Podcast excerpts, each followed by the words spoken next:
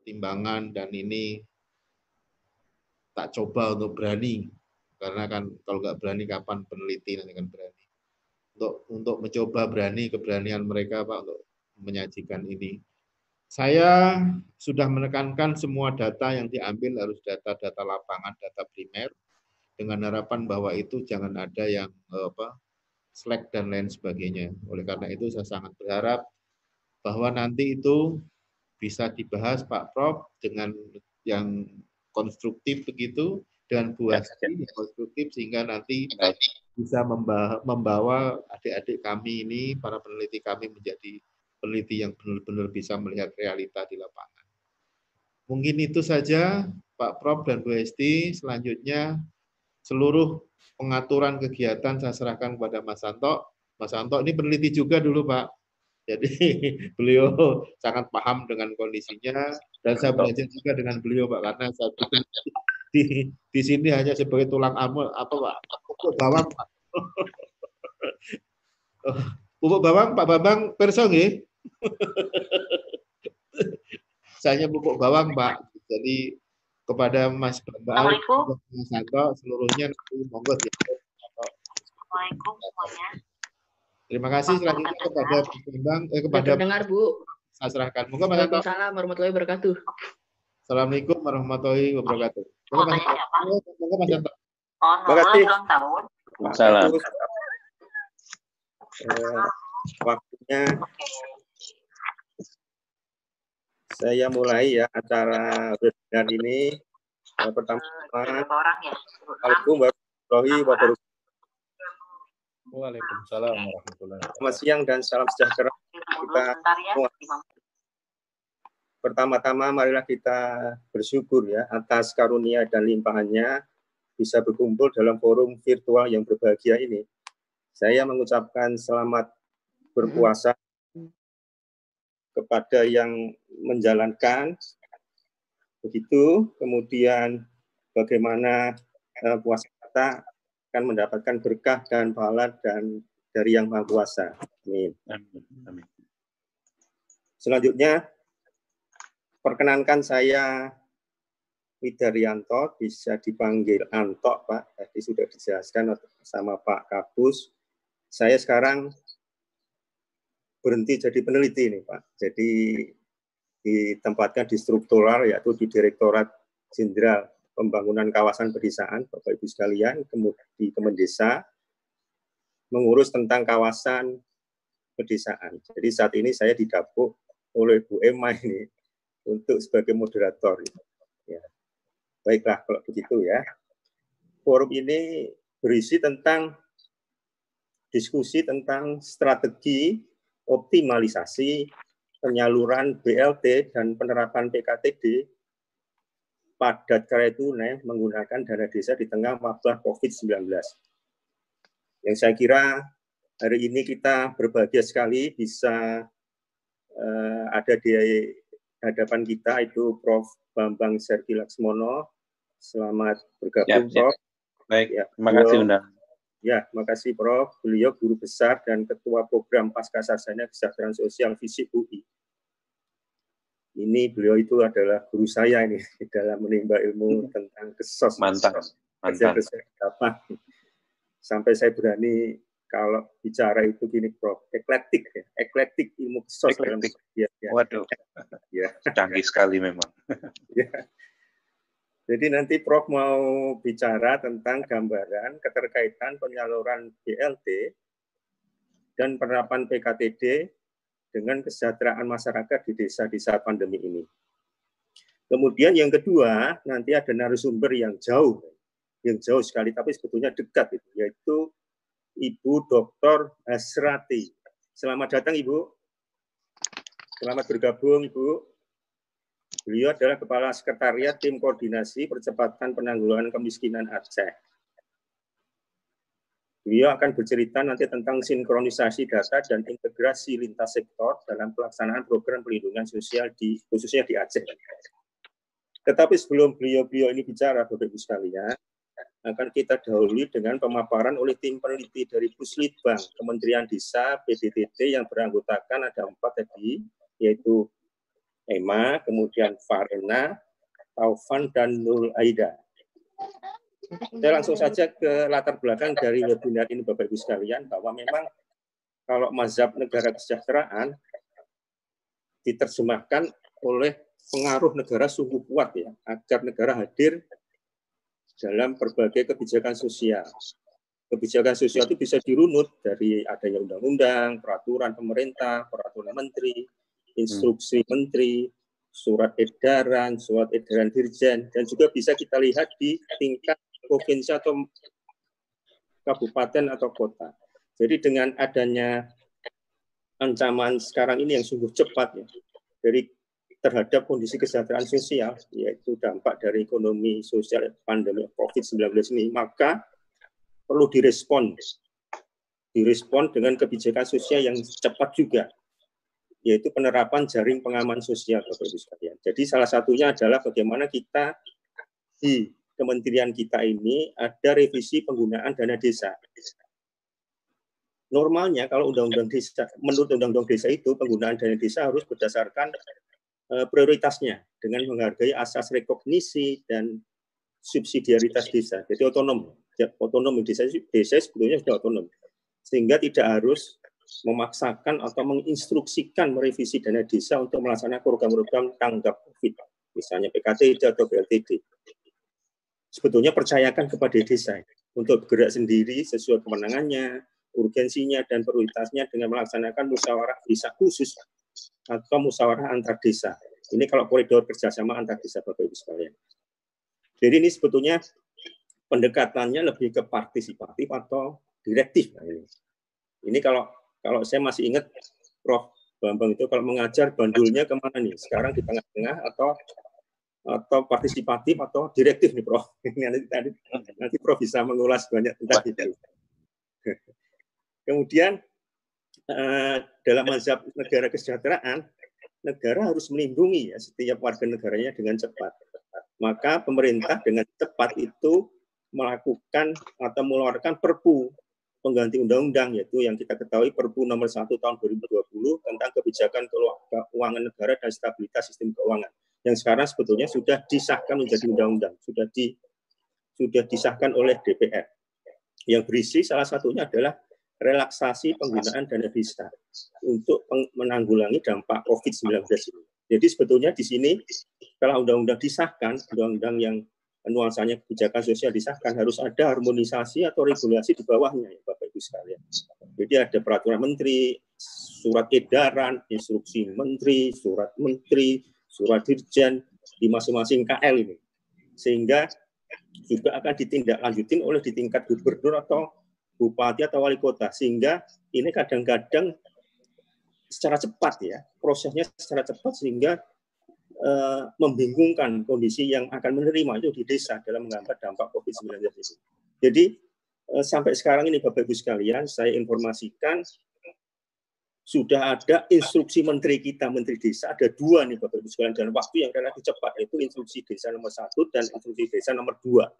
Itu tertanggal 15 dan tertanggal 17 kemarin. Jadi intinya adalah bagaimana supaya dana desa itu bisa direlaksasi dan digunakan untuk BLT dan bisa diterima oleh masyarakat sebelum tanggal 24 Mei. Jadi ini begitu beratnya begitu beratnya di tingkat desa, juga bupati dan wali kota bagaimana supaya masyarakat yang terdampak itu bisa menikmatinya sebelum lebaran ini Pak Prof. Bambang ini. Jadi tinggal lima, lima, lima hari lagi ini. BLT tahap pertama harus sudah cair Bapak Ibu sekalian. Karena apa? Karena memang uh, perlu kerja cepat ya, perlu kerja cepat. Kemudian bagaimana supaya tidak overlap dengan bantuan sosial atau jaring pengaman sosial dari Kemensos, ada bantuan sosial tunai, ada PKH, ada bantuan langsung non tunai dari Kemensos. Jadi ini perlu perlu refresh ya data terpadu kesejahteraan sosial. Saya kira di sini gambarannya Prof Bambang dan Bapak Ibu sekalian posisi terakhir ini pencairan dana desa karena saya juga melakukan monitoring di Jawa Tengah dan di Jawa Timur kalau di Jawa Tengah itu posisi 18 Mei ini baru 14,1 persen yang sudah dicairkan di desa-desa. Kalau di Jawa Timur baru 27,74 persen pada tanggal 19 Mei. Jadi memang masih masih kurang banyak ya. Apakah bisa nanti mengejar tanggal 24 Mei ini bisa uh, dimanfaatkan, bisa diterima oleh masyarakat. Itulah Bapak Ibu sekalian uh, latar belakang dari webinar ini. Jadi uh, saya kira saya akan lanjut untuk sesi pemaparan yang sudah di dijadwalkan oleh eh, panitia. Jadi di sini untuk waktu yang pertama saya berikan kepada tim peneliti. Eh, saya persilahkan tim peneliti dengan waktu 15 menit dari sekarang. Silakan. Terima kasih Bapak Widaryanto. Bismillahirrahmanirrahim. Assalamualaikum warahmatullahi wabarakatuh. Waalaikumsalam warahmatullahi Selamat siang Bapak dan Ibu peserta seminar webinar pada siang hari ini. Sebelumnya kami tim mengucapkan terima kasih kepada uh, Bapak PLT Kapus Litbang karena uh, telah memberikan kesempatan kepada kami untuk dapat memaparkan hasil tulisan kami. Kemudian saya ingin menyapa terlebih dahulu uh, guru saya, teman diskusi saya, Prof. Bambang Shergila Muno, dan kemudian Yuk. juga ada Ibu Dr. Hasrati dari TKP 2K dan juga Bapak Dr. Insinyur Widaryanto, senior saya ini di peneliti. Terima kasih sudah berkenan menjadi narasumber dan moderator pada hari ini. Kemudian terima kasih juga untuk Mas Fajri yang berada di belakang layar uh, Zoom ini sehingga bisa terlaksananya webinar ini dan juga kepada TV Desa yang menyiarkan secara live. Kemudian baiklah Bapak dan Ibu, uh, kami akan memaparkan hasil uh, tulisan kami yaitu polisi brief kami yaitu berjudul Strategi Optimalisasi Penyaluran BLT dan Penerapan PKTD menggunakan dana desa di tengah wabah COVID-19. Jadi uh, adapun perlu diketahui bahwa polisi brief ini kami susun pada tanggal 22 April 2020. Jadi sudah sebulan uh, yang lalu dan ini kami susun sebagai respon uh, cepat dari Puslitbang terhadap adanya kebijakan dari Kementerian Desa. Jadi ketika terbitnya Permen Desa nomor 6 tahun 2020, 2020 di mana uh, prioritas penggunaan dana desa adanya penyaluran BRT, maka uh, kami berusaha menyusun uh, strategi agar uh, bagaimana optimalisasi penyaluran tersebut. Di sini uh, saya memperkenalkan dulu, kami uh, terdiri dari empat orang, saya sendiri Emma Rahmawati, ada Nurul Alda Maulidina, kemudian ada Farena Fobiani dan uh, Taufan dan Yarta Soekarno yang sudah berada di tengah-tengah Bapak Ibu juga di webinar kami. Dan pada saat penyusunan ini juga kami uh, banyak diskusi juga termasuk dengan Prof. Bambang yang sering saya gangguin juga nanya-nanya terkait positif hmm. kami. Hmm. Kemudian juga uh, ada teman-teman saya dari research spesialis dari uh, salah satu BUMN yaitu ada Widya Pratomo dan Fauzan Zamasyari yang saya minta pendapatnya juga terkait polisi ini dan juga sudah mendapat masukan dari teman-teman Pusitbang. Terima kasih. Tapi mungkin uh, kami juga menyadari bahwa kami juga memiliki kekurangan dan tulisan kami juga memiliki banyak kekurangan. Jadi mohon masukan dan tanggapannya. Baiklah, uh, kita langsung saja. Mungkin next, uh, Mas Fajri bisa next. Ya, jadi di sini saat ini kita berada di kondisi yang kita tidak duga, kita tidak sangka bahwa pandemi wabah uh, COVID ini itu uh, berdampak uh, sangat luar biasa, terutama di ekonomi. Jadi pada saat kita menulis polisi brief itu sedang ada isu ya di sebelah kiri ini gambarnya bahwa uh, sedang ada PHK besar-besaran dan setelah kita cari datanya saat ini bahwa jumlah pengangguran itu uh, menurut data BPS uh, Mei 2020 itu meningkat. Bayangkan ada 6,88 juta orang pengangguran. Kemudian next Next, Mas Fajri.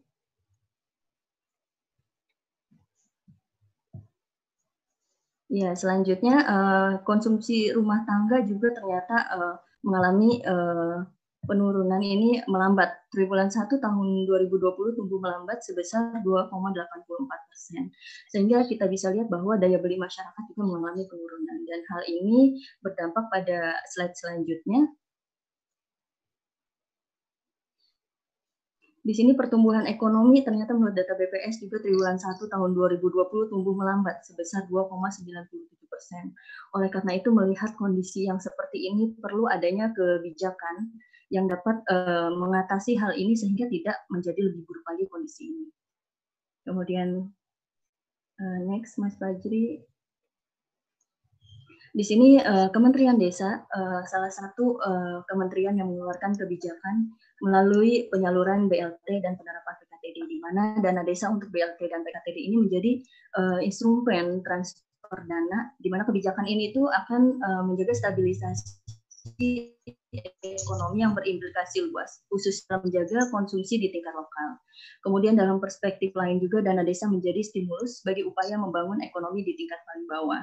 Kalau kita melihat hal ini gitu, seharusnya kebijakan ini bisa uh, cukup baik dan cukup uh, efektif untuk di desa. Tapi apabila dalam pelaksanaannya, dalam proses penyalurannya itu tidak uh, tidak optimal, tidak tidak efektif dan efisien, maka uh, apa sangat disayangkan apabila tidak berefek uh, dengan baik gitu. Jadi maka perlu adanya kami pikir ada strategi optimalisasi. Kemudian next Mas Fajri.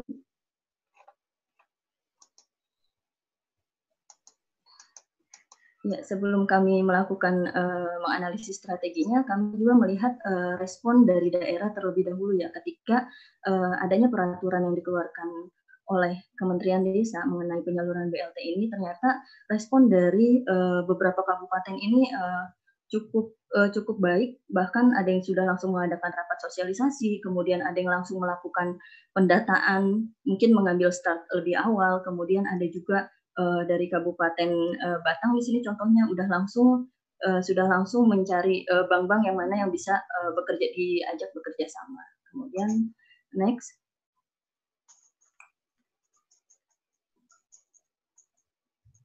Di sini uh, strategi optimalisasi yang kami uh, tawarkan atau kami sarankan uh, melalui lima tahapan. Di sini ada tahapan revisi APBDes, kemudian revisi pendataan penerima BLT, ada tahapan penyaluran BLT, pada ada tahapan pelaporan dan juga monitoring dan evaluasi.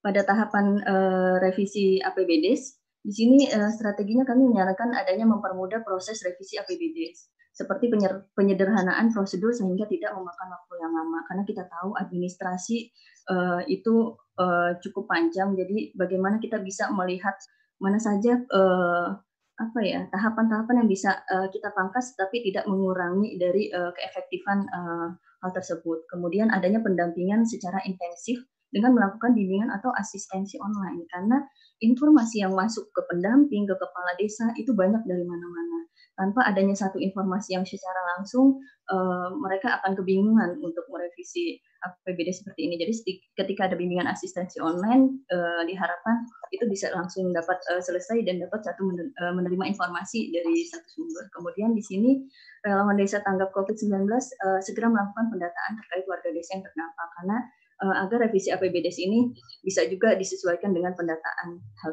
dengan pendataan tersebut. Kemudian next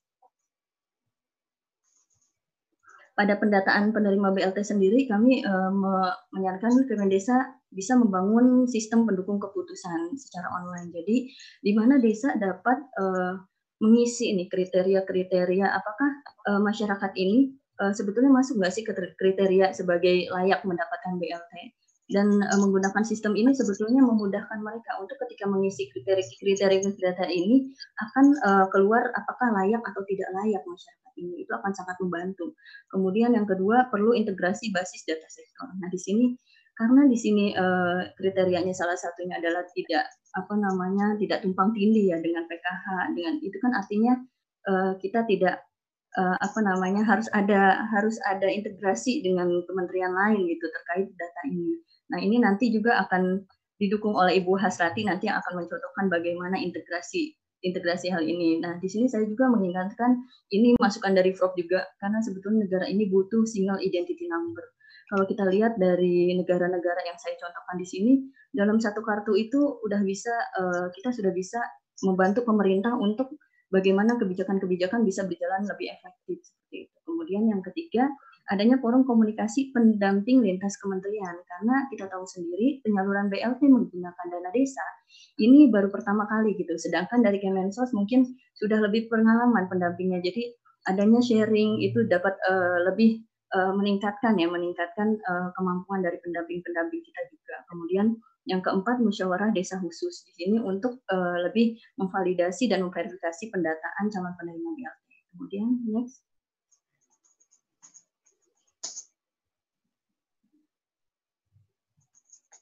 pada tahapan penyaluran BLT, di sini uh, kami membedakan ke dalam dua kondisi desa. Jadi karena ini polisi brief ini sebetulnya disusun sebelum uh, adanya dari Gus Menteri menyebutkan harus melalui apa gitu. Kami menyarankan ada beberapa alternatif. Di sini kami membagi ke dalam dua kondisi, kondisi desa. Yang pertama desa terjangkau layanan keuangan dan yang kedua adalah desa tidak terjangkau layanan keuangan.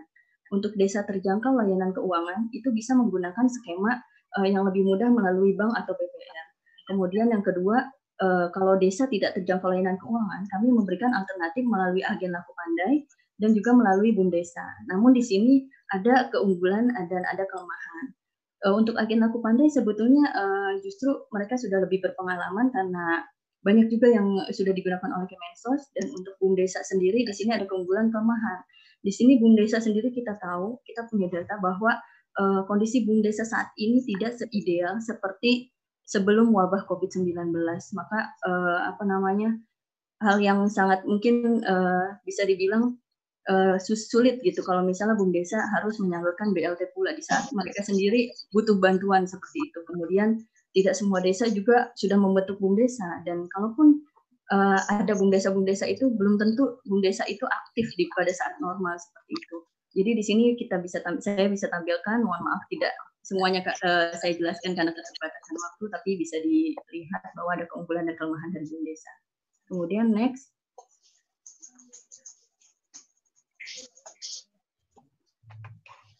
Kemudian ini untuk penyal masih di tahapan penyaluran BLT, kami uh, tidak menyarankan dalam bentuk barang. Dengan pertimbangan di sini rumitnya distribusi pada kondisi wabah COVID-19, kemudian berpotensi penyebaran virus melalui komunikasi dengan orang dan kontak dengan benda-benda yang menjadi perantara. Kemudian kurang fleksibel dalam penggunaannya. Karena bisa jadi masyarakat itu sebetulnya kebutuhannya tidak hanya untuk uh, bahan pokok, tapi saat ini butuh juga untuk periksa kesehatan, untuk membeli vitamin, pendukung kesehatan, dan juga kalau untuk uh, dalam bentuk barang itu perlunya pendampingan yang kuat dalam pelaksanaannya. Di, uh, kemudian kami juga penyaluran BLT ini tidak disarankan dalam bentuk uang tunai, walaupun pada saat ini memang sudah banyak yang yang menyalurkan dalam bentuk uang tunai, gitu. karena waktu itu kami berpikir bahwa ini adalah resikonya fraud gitu. Banyak uh, sudah banyak uh, kejadian. Jadi perlu apabila dilakukan pun perlu pengawasan yang kuat dari berbagai pihak. Untuk penyaluran BLT juga perlu memperhatikan kondisi kerawanan desa khususnya mengenai konflik masyarakat. Ini uh, masalah uang itu sangat sensitif. Jadi uh, apa kepala desa pun harus berhati-hati. Jadi harus melihat juga bagaimana kondisi masyarakatnya dan di sini juga ada ketahanan keluarga penerima. Kemudian next.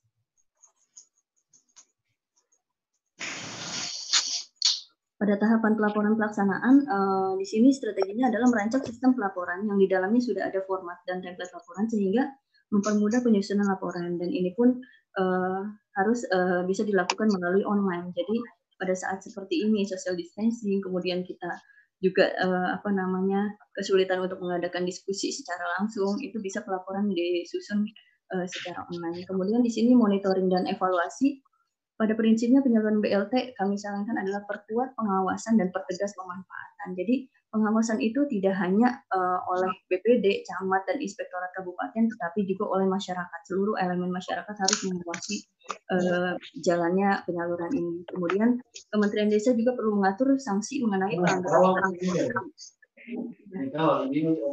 Selain meringankan beban anggaran pemerintah, adalah untuk menghindari ketergantungan penerimanya. Kemudian adanya sistem pengaduan online yang mudah diakses oleh masyarakat, dan ada juga diperlukan tata kelola pemerintah yang transparan dan akuntabel. Pendampingan dari KPK juga diperlukan karena uh, memang perlu pengawasan uh, yang lebih baik pada penyaluran BLT ini dan evaluasi juga tidak hanya di akhir. Kami berharap bahwa evaluasi dilakukan uh, secara formatif dan sumatif juga.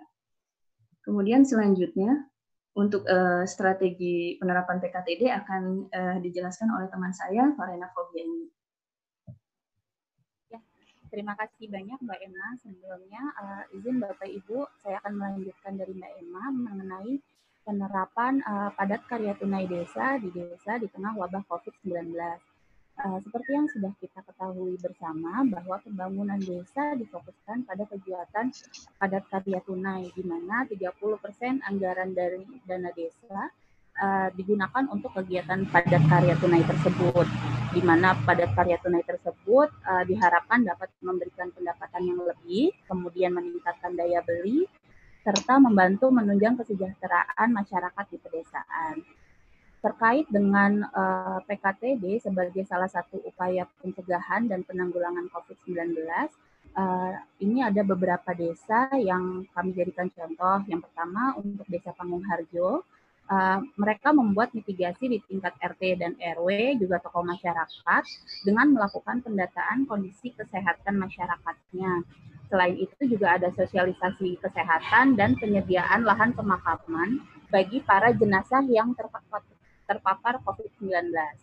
Kemudian yang kedua di Desa Poka, Kecamatan Teluk Ambon, Kota Ambon, di mana mereka membangun ruang isolasi mandiri sebagai ruang transit pasien ODP.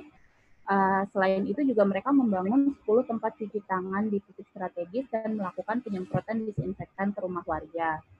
Kemudian di Desa Lerep mereka membangun dua tempat karantina bagi para perantau yang memutuskan mudik ke desa, di mana Lokasi pertamanya ada di Balai Desa yang menyediakan 14 ruang isolasi untuk wanita dan 60 ruang isolasi untuk pria dipantau selama 14 hari oleh bidan dan RT Kemudian Desa Bakung Temenggungan uh, mengubah gunung eh, gudang bekas berukuran 10 kali 4 meter menjadi tempat isolasi mandiri yang dilengkapi dengan TV, kamar mandi, dapur, dan fasilitas karaoke ditujukan agar warga yang diisolasi tidak penuh selama isolasi.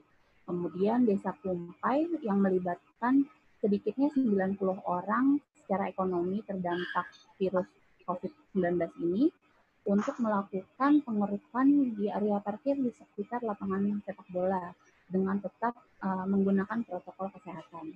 Next, next lagi. Uh, kemudian uh, karena PKTD sekarang ini di tengah pandemi berjalan tidak sesuai dengan kondisi seperti biasa karena sesuai dengan anjuran pemerintah uh, untuk melakukan physical distancing sehingga dibutuhkan hmm. strategi optimalisasi penerapan PKTD.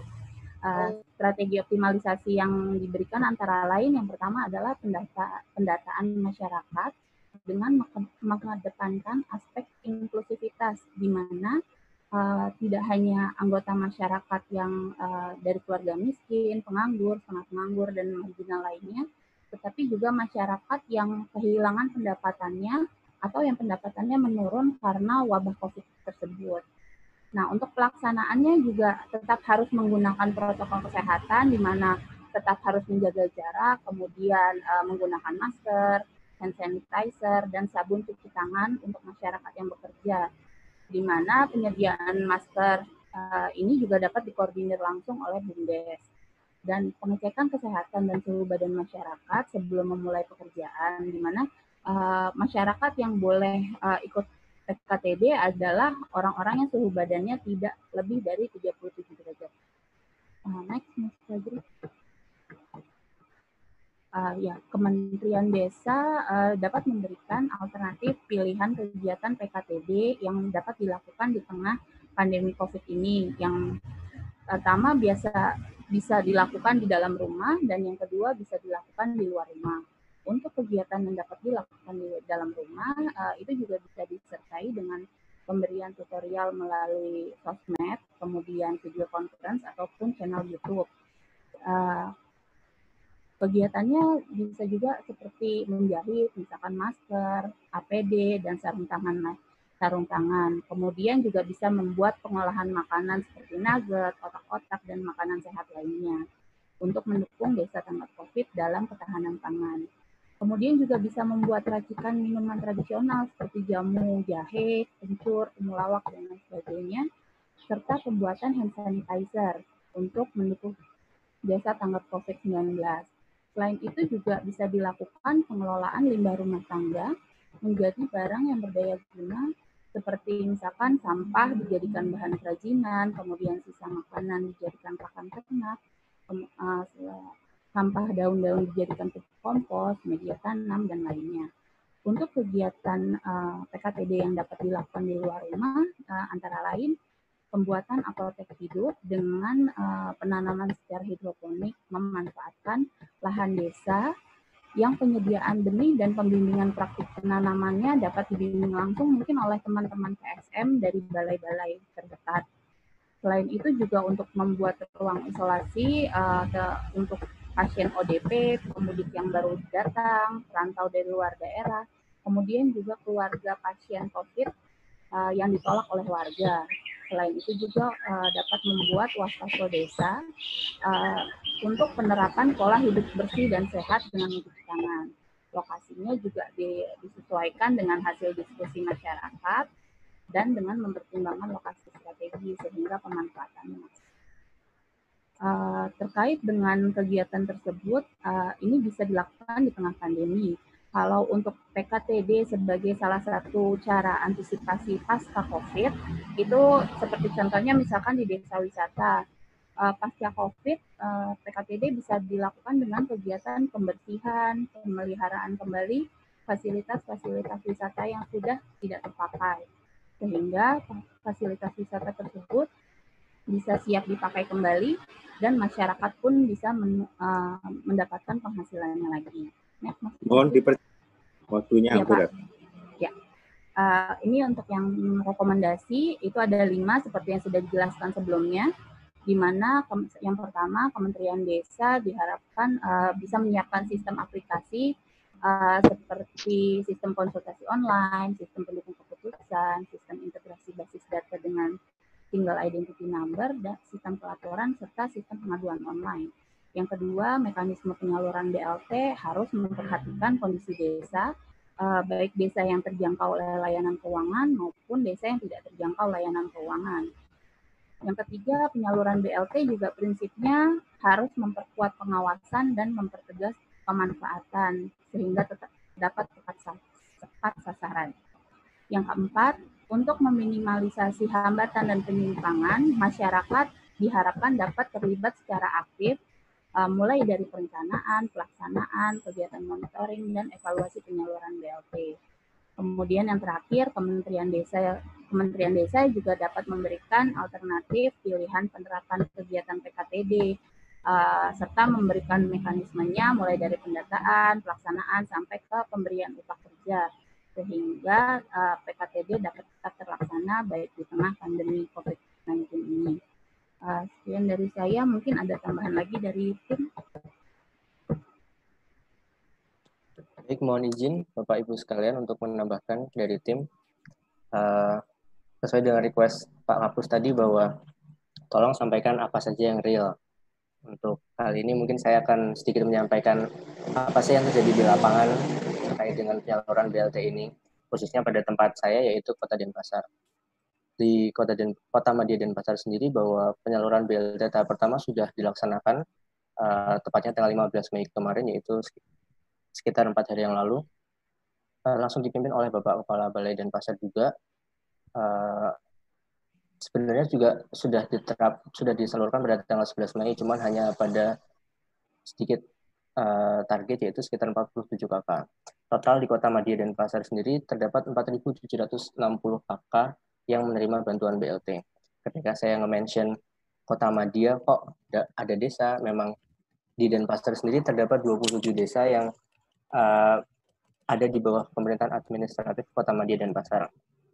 Mungkin ketika kita lihat sekilas bahwa uh, penyaluran BLT di kota Madia dan Pasar ini nggak jauh beda sih uh, sama tempat-tempat lainnya. Tapi kalau uh, seperti di pemerintah pemerintah daerah dari gubernur, wali kota, kemudian para jajaran dinasnya, desa dan para relawan tanggap COVID. Tapi kalau kita kulik lebih dalam, apa sih yang membedakan pemberian BLT ini dibanding tempat-tempat lain? Ternyata di Bali itu komponen desanya itu bukan cuma desa pemerintahan, cuman ada keterlibatan lebih dari desa adat ketika dalam kondisi normal kita berkunjung ke Bali, kita akan menemukan bahwa desa adat itu hanya terfokus pada kegiatan-kegiatan keagamaan, misalnya ritual, uh, upacara. Cuman dalam kondisi seperti ini, kondisi abnormal atau kita bisa bilang kondisi the new normal, desa adat ini ternyata juga ikut andil besar dalam benteng benteng pertama masyarakat Bali dalam menghadapi COVID. Seperti kita tahu, uh, di Bali punya ke, uh, pembatasan kegiatan masyarakat. Kalau saya mungkin boleh pakai uh, analogi saya sendiri, lebih tepatnya ke pembatasan sosial berbasis adat karena desa adat sana yang sangat sangat berpartisipasi dan turun langsung ke lapangan untuk mengurus uh, COVID ini. Sesuai dengan uh, strategi kita bahwa desa adat sendiri ini involve-nya banyak sekali dari mulai pendataan, pelaksanaan uh, sampai dengan monitoring dan evaluasi. Seperti kita tahu bahwa pendataan ini merupakan pendataan masyarakat yang terdampak COVID untuk diberikan bantuan BLT merupakan hal yang paling urgent karena uh, akan jadi banyaknya tumpang tindih data. Maka dari itu butuh sangat butuh banyak sekali komponen yang komponen dari desa adat yang turun ke lapangan langsung untuk mengecek satu persatu. Mungkin uh, itu waktunya ya Mas ya. Siap Pak, mungkin itu sedikit dari saya. Assalamualaikum warahmatullahi wabarakatuh. Oke, eh, saya kira kita sudah mendengar semua hasil paparan dari teman-teman tim dari Puslitbang. Jadi menarik sekali, tapi saya sebelum ke sumber yang pertama, saya menyapa nih, ternyata banyak sekali pesertanya, Bapak Ibu sekalian. Tiga kalau banyak sekali ya, Alhamdulillah. Ikut dalam forum ini dan juga ada ada dari pertanian dari berbagai macam daerah ya, ya Pura, Wangi, Jambi, Makassar, dari Sabang sampai Merauke ini. Alhamdulillah gitu.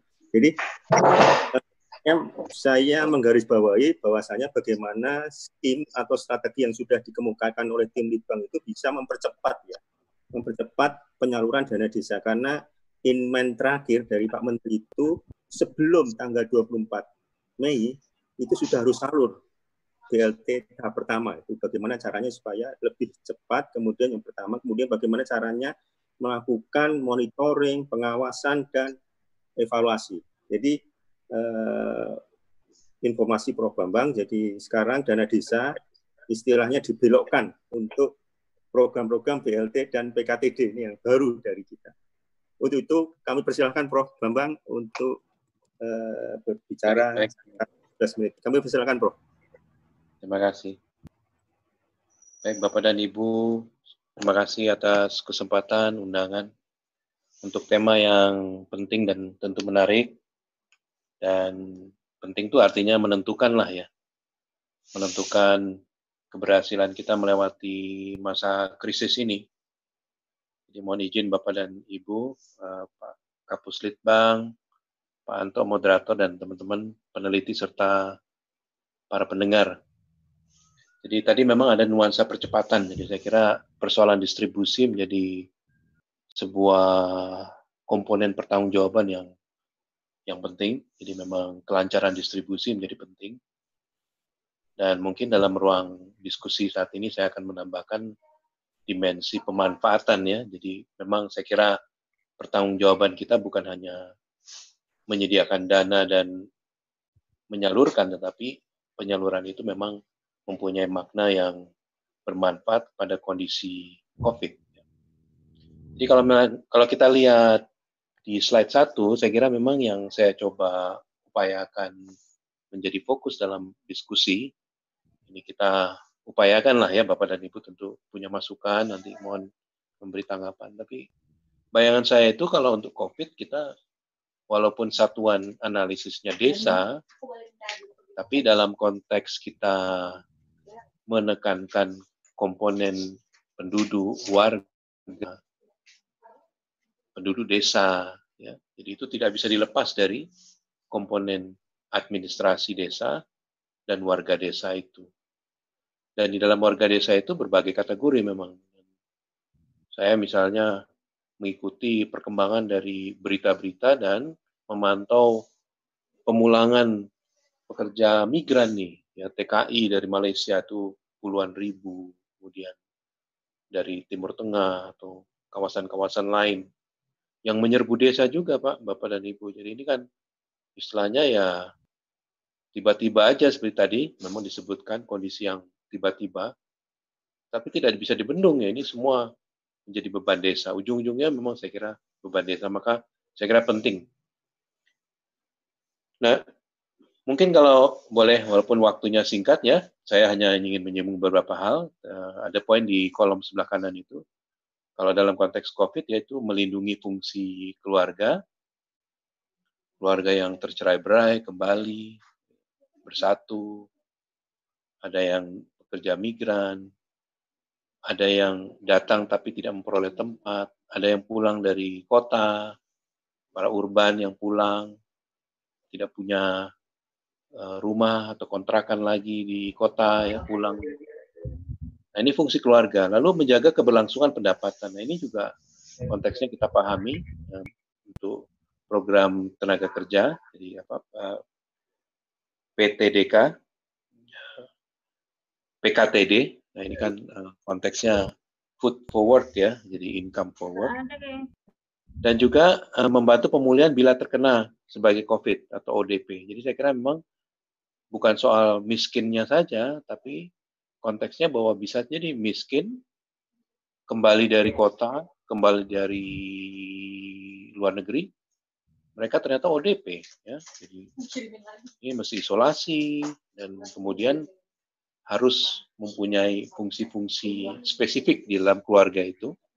Termasuk tadi sudah ada respons dari peneliti yang menemukan secara positif tentang uh, kemampuan desa menginovasikan tempat-tempat isolasi.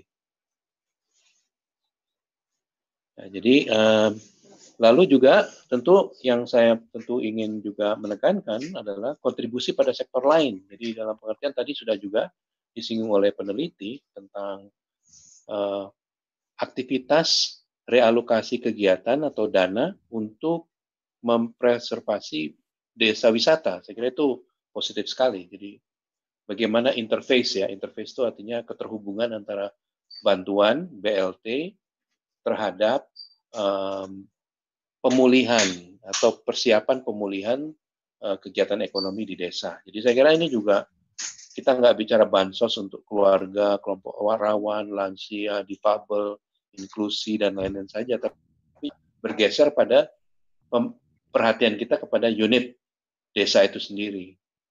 Entah nanti diberikan nama sebuah tema khusus ya, misalnya desa resilient COVID, misalnya gitu ya. Wah ini saya hanya cuma melontarkan saja.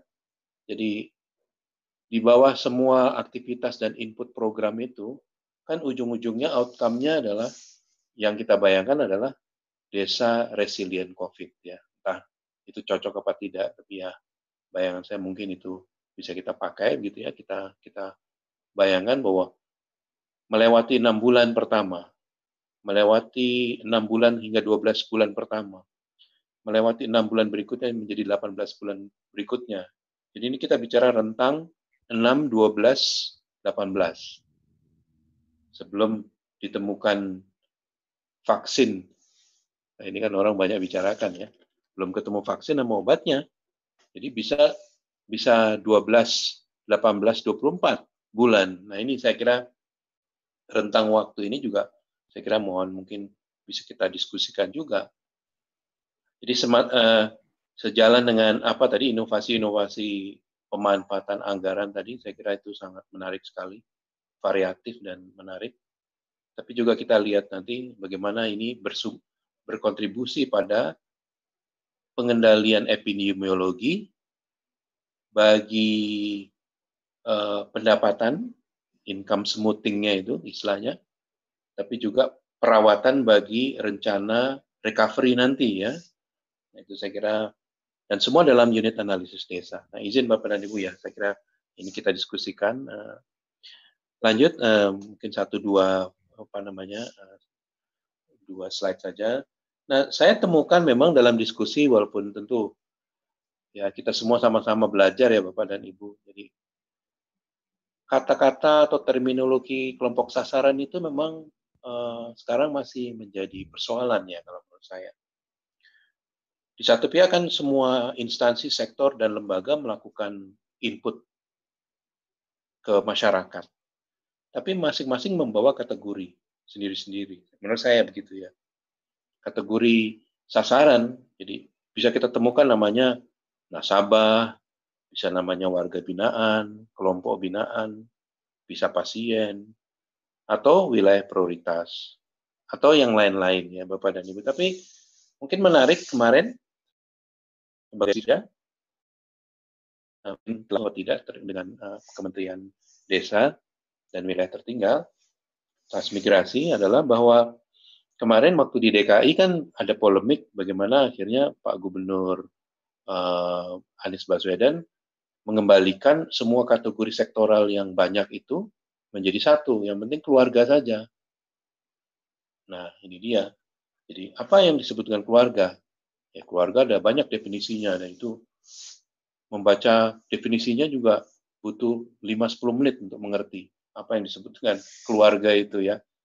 6 bulan datang, 6 bulan pergi, berniat iya apa, tidak berniat tinggal, nah itu sehingga bisa kita kategorikan. Tapi seakan-akan konsensus kita sampai hari ini rasanya memang keluarga menjadi komponen yang penting. Sehingga tadi peneliti menyebut IKTP, single identity number itu memang basisnya KK dan KTP itu. Nah, kelayakan dan eligibility itu sangat tergantung kepada uh, database dan tidak hanya memuat nomor saja NIK tapi profil dari keluarga dan profil dari kakaknya itu sendiri.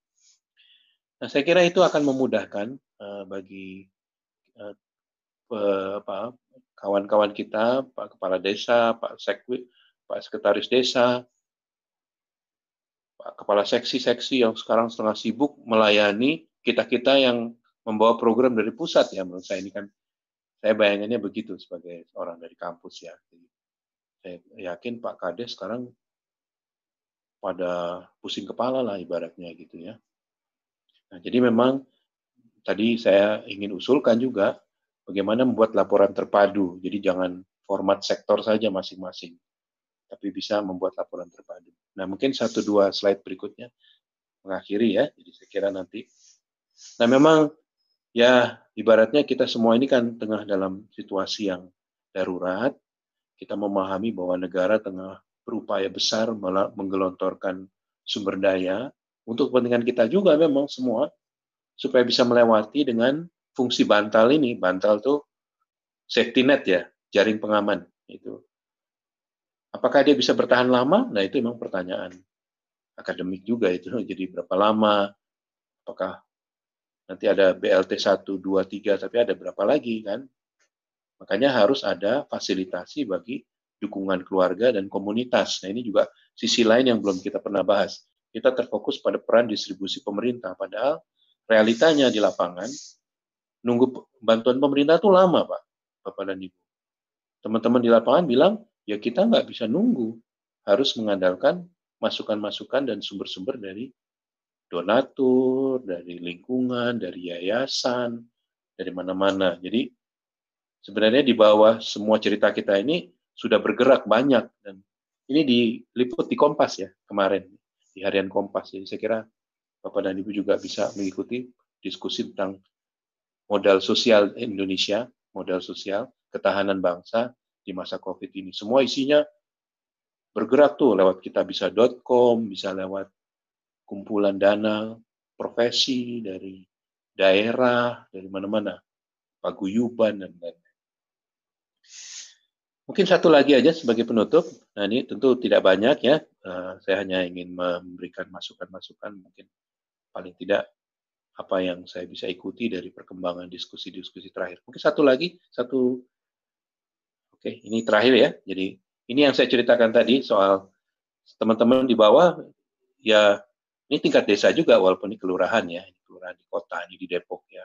Jadi kalau nunggu BLT, nunggu bantuan presiden ini nunggunya lama dan verifikasi datanya juga lumayan katanya. Jadi kita sendiri yang udah punya database di tingkat COVID, Satgas COVID RT, RW, dan kelurahan. Nah ini kebetulan gambar yang disampaikan ke, di-share ke saya itu gambar janda usia tua ya, jadi lansia, di janda lansia ya. Nah ini mereka sudah punya filter sendiri, dan saya kira ini juga menjadi sahabat-sahabat kita yang menyemangati saling memberikan penguatan lah ya. Jadi Nah, jadi mungkin saya simpulkan Bapak dan Ibu, uh, bantuan pada level komunitas menjadi penting, bantuan pemerintah juga penting, administrasi dan kriteria-kriteria tentang target grup yang mana yang menjadi prioritas juga penting. Lalu uh, tadi saya katakan definisi desa itu juga penting sebagai satu satuan administratif dan kepentingan juga, kepentingan sarana dan uh, layanan di tingkat desa, ada BUMDes, ada M, uh, musyawarah desa, dan semua itu saya kira menjadi bagian dari momentum untuk mengkonsolidasikan fungsi-fungsi aspirasi dan partisipasi kebijakan dan keputusan di tingkat desa. Saya kira semangatnya ke sana Bapak dan Ibu dan mohon nanti juga mungkin dibahas tema kita apa? Uh, resilient desa ya desa resilient atau desa tahan covid atau apa itu menjadi outcome yang mungkin bisa dibayangkan bersama. Demikian Pak Anto mungkin uh, sementara sih tentu tidak terlalu banyak masukan saya. Terima kasih ya. Pak Dokter Anto. Baik Prof Bambang makasih banyak pencerahannya saya kira di sini uh, memberikan warna baru bagaimana eh, kita membuat strategi jaring pengaman sosial. Jadi Prof bicara tentang adanya orang miskin baru ya. Bagaimana ini pendataannya? Harus cepat juga kan balik ke desa.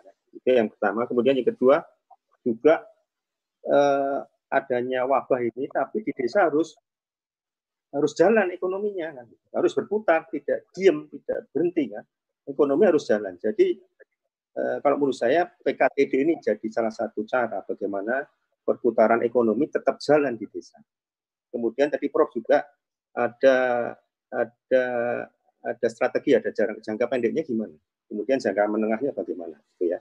Kemudian jadi yang terakhir saya kira ada data data terpadu ya, integrasi bagaimana dan e, sumber bantuan itu kan banyak tadi ya. Tidak hanya pemerintah kan, juga ada dari dari filantropi, ada dari sendiri, ada dari individu, ada dari bantuan dari NGO dan sebagainya. Ini bagaimana mengkolaborasinya supaya tidak terjadi overlapping di tingkat desa atau kelurahan kalau saya itu. Itu eh, benang merah yang bisa saya tarik dari Prof. Bambang. Terima kasih Prof. Saya lanjut. Ya, ya. Baik, saya lanjut ke narasumber yang ketiga. Kami persilahkan Ibu Hasrati untuk waktunya. Kami persilakan. Waktu 15 Terima kasih, Bu. Terima kasih, Pak Anto, sebagai moderator. Uh, Prof. Bambang, uh, Bu Emma, dan tim peneliti, terima kasih atas kesempatan yang diberikan kepada kami jauh-jauh nih dari ujung Sumatera, paling barat Indonesia, Pak. Um, dalam kesempatan ini, uh, saya ingin menyampaikan bagaimana pengalaman Aceh di dalam melaksanakan sinkronisasi data dan juga melakukan integrasi lintas sektor dalam pelaksanaan program perlindungan sosial, terutama yang ada di Aceh. Tapi sebelum kita masuk pada uh, bagaimana kita melakukan sinkronisasi data tersebut, sekilas kita melihat bagaimana perkembangan atau sebaran COVID-19 di Aceh di mana alhamdulillah sampai saat ini kondisi di Aceh itu relatif aman. Uh, kalau kita lihat yang paling uh, banyak itu adalah ODP yang mencapai 1.992 orang sampai kondisi kemarin. Nah ini dikarenakan uh, banyak juga warga yang warga Aceh yang berada di perantauan ini kembali sebagai dampak dari uh, terjadinya COVID-19 di berbagai daerah dan negara, sehingga yang menyebabkan mereka terdampak dan harus kembali ke daerah asal. Kemudian untuk PDP sendiri 99 orang, 98 sudah pulang, dan satu yang meninggal. dan saat ini memang uh, tidak ada yang dirawat, itu sudah kembali. Kemudian yang uh, positif 18 orang yang saat ini dirawat di dua rumah sakit, itu ada dua orang, 15 sembuh dan satu meninggal. Dan kalau kita lihat memang uh, tidak semua kabupaten kota yang ada di Aceh itu uh, ada pasiennya yang kondisi yang uh, membuat kita patut bersyukur bahwa uh, alhamdulillah penyebaran COVID-19 di Aceh bisa dikendalikan dan saat ini belum ada transmisi lokal. Yang ada uh, memang yang positif itu adalah yang pendatang atau yang kembali dari zona-zona uh, merah. Nah, akan tetapi ini tidak berarti bahwa uh, tidak ada dampak yang signifikan dari kejadian COVID-19 di Aceh, di mana uh, dengan adanya kebijakan uh, berbagai pembatasan ini juga berdampak terhadap uh, misalnya banyaknya tenaga pekerja informal yang kehilangan pekerjaan, kemudian yang uh, dirumahkan dan sebagainya. Ini juga membuat uh, pemerintah perlu melakukan berbagai upaya. Kalau kita lihat uh, kondisi existing uh, jaring pengaman sosial yang ada di Aceh, tentu ini ada dari pemerintah pusat dan juga dari pemerintah Aceh sendiri.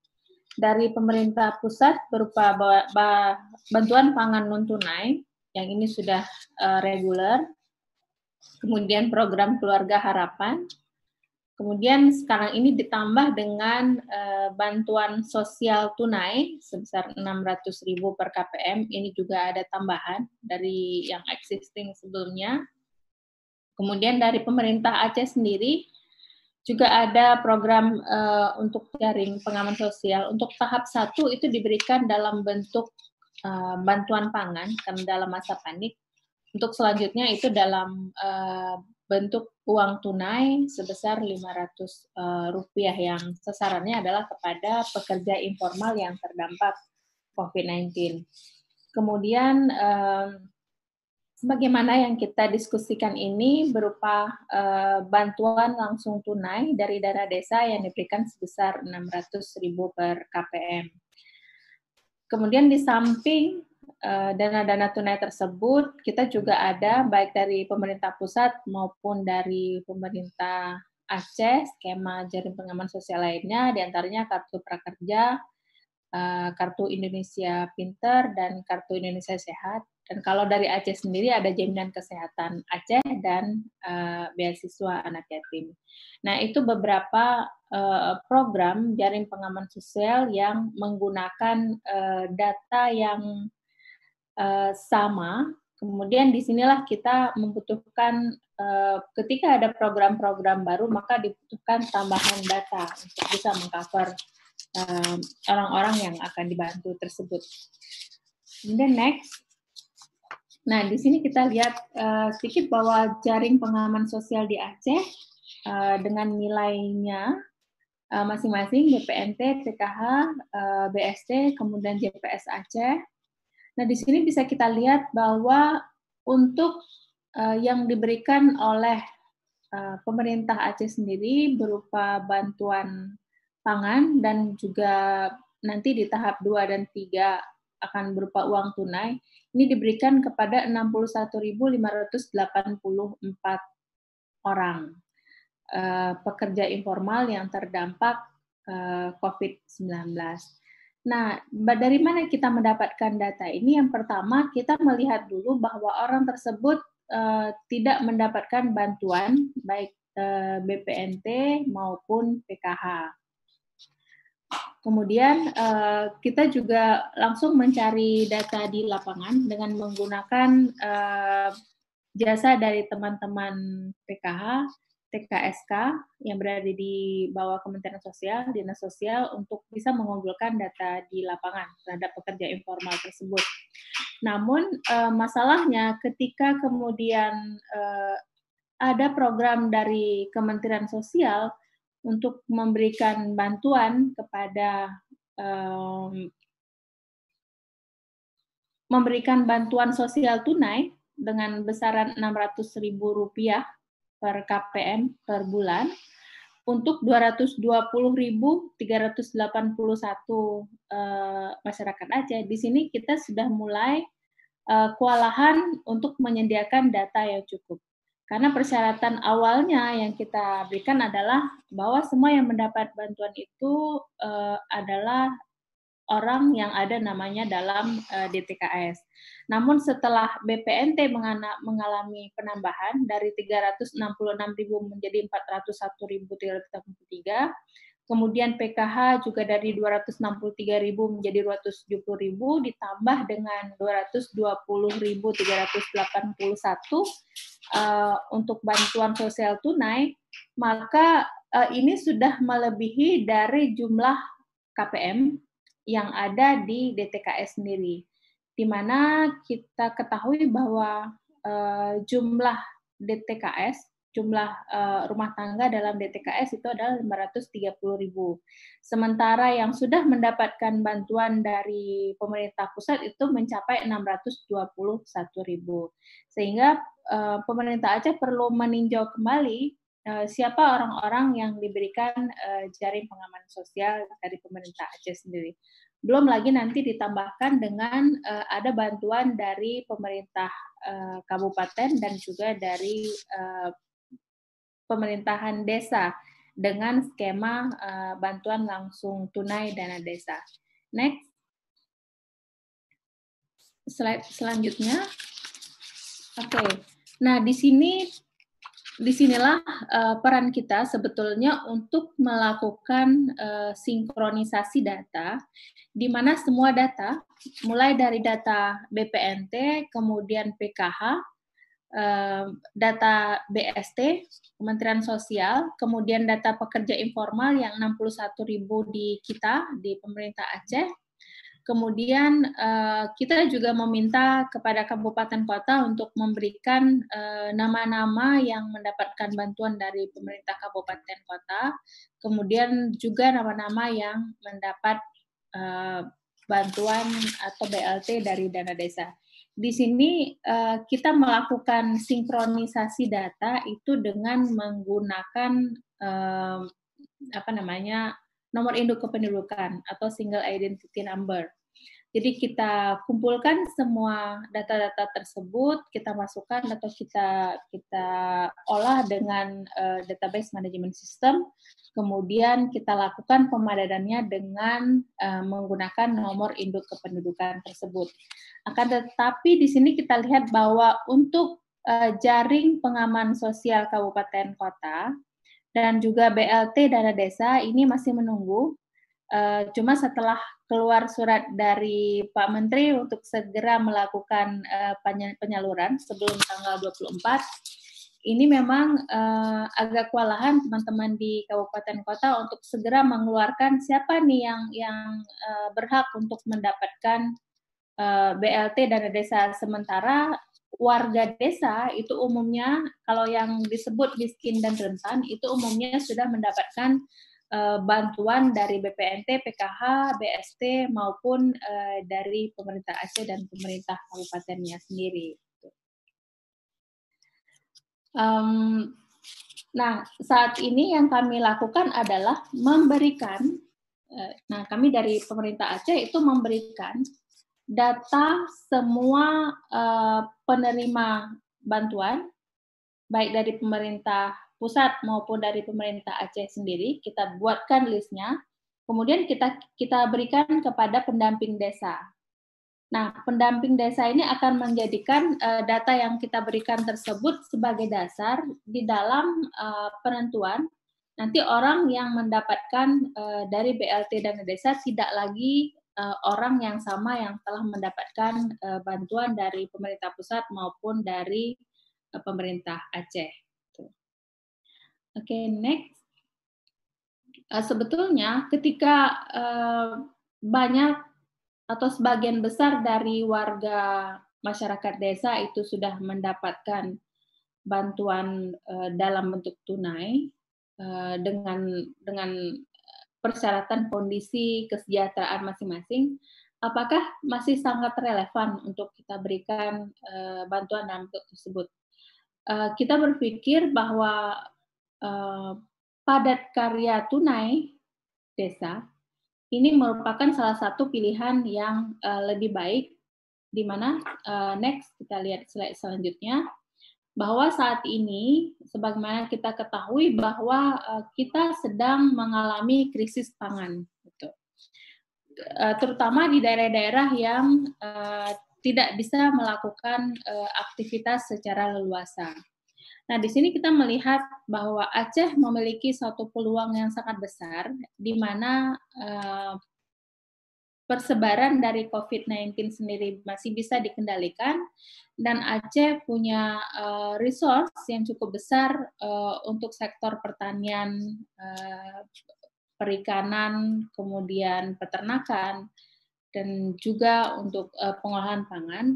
Maka ini bisa digunakan dengan apa namanya potensi dari padat karya tunai desa ini bisa digunakan untuk melakukan usaha produktif yang berkaitan dengan memastikan kemandirian dan ketahanan pangan. Di samping juga melakukan kegiatan-kegiatan uh, produktif produktif yang bisa menghasilkan uh, apa namanya uang yang bisa menghasilkan cash bagi masyarakat terutama masyarakat uh, yang memiliki kerentanan baru atau yang kita sebut dengan orang miskin baru. Kemudian next.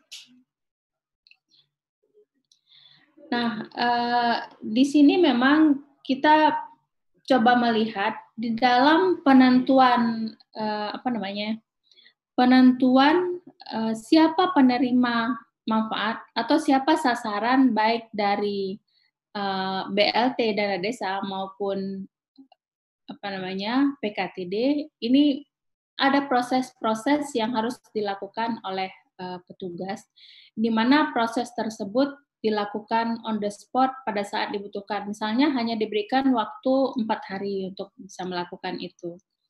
Nah, pendataan yang sangat uh, singkat ini kadang-kadang menimbulkan masalah baru di lapangan. Sebagai contoh, misalnya kita lihat di salah satu daerah di Aceh, uh, di mana akibat uh, tidak apa namanya akibat tidak puasnya masyarakat terhadap penetapan uh, penerima penerima dari BLT dan desa, kemudian juga BST, ini sampai uh, membuat masyarakat melakukan unjuk rasa dan penyegelan uh, kantor kepala desa yang kemudian berujung pada eh, kerusuhan juga. Akan tetapi bukan hanya kisah yang masalahnya, ada juga kisah sukses dari salah satu desa di Aceh Besar, di Semet, yang kami lakukan monitoring di tanggal 4 Mei. Ini uh, kondisinya sangat kondusif, di mana uh, masyarakat bisa menerima dengan baik data-data yang diberikan data-data eh, apa namanya penerima manfaat karena sebelumnya telah melalui proses yang sangat baik antara petugas PKH, petugas TKSK dengan eh, kepala desanya atau kalau di sini kita sebut dengan keciknya sehingga data yang diberikan itu sudah sesuai sudah dimusyawarahkan dan eh, bisa diterima oleh masyarakat. Oke. Okay. Oleh karena eh, Eh, kebutuhan yang sangat besar terhadap data dan uh, perlunya kita merespon dengan sangat cepat, apalagi dalam kondisi bencana seperti ini, kita berharap adanya satu sistem data yang terintegrasi yang kita uh, dikonekkan dengan satu nomor uh, unik yaitu nomor induk kependudukan atau single identity number. Nah, jika ini sudah tersistem dengan baik, maka uh, kesemrautan kita pada saat merespon bencana ini akan bisa diatasi dengan baik. Kita lihat uh, di slide selanjutnya, next. Oke. Okay. Nah, di sini kami mencoba menginisiasi satu uh, mekanisme pemutakhiran data secara menyeluruh. Jadi tidak hanya berfokus pada uh, eh, DTKS, tetapi juga pada uh, data seluruh uh, penduduk Aceh. Apalagi um, kita juga baru menerima surat di bulan lalu, surat dari Bappenas agar uh, Bapeda itu bisa mengkoordinir pelaksanaan pemutakhiran data dan juga pemadanan data di TKS dengan uh, nomor induk kependudukan. Nah, ini membutuhkan uh, suatu mekanisme tersendiri karena tidak hanya cukup dengan mekanisme pemutakhiran melalui 6NG yang dilakukan oleh uh, Kementerian Sosial bersama teman-teman dinas sosial yang ada di Aceh.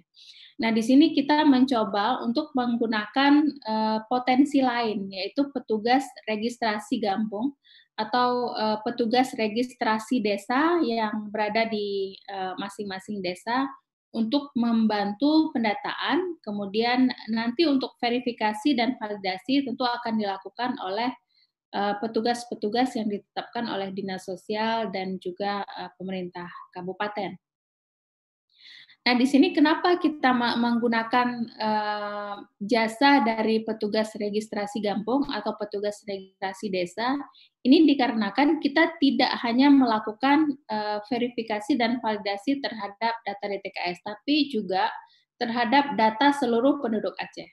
Maksud kita adalah agar adanya uh, data yang terintegrasi, tersistem, dan juga dia akan uh, real time. Jadi kapan pun uh, dibutuhkan siapa pun yang ingin dikeluarkan untuk diberi bantuan dan sebagainya ini bisa diberikan.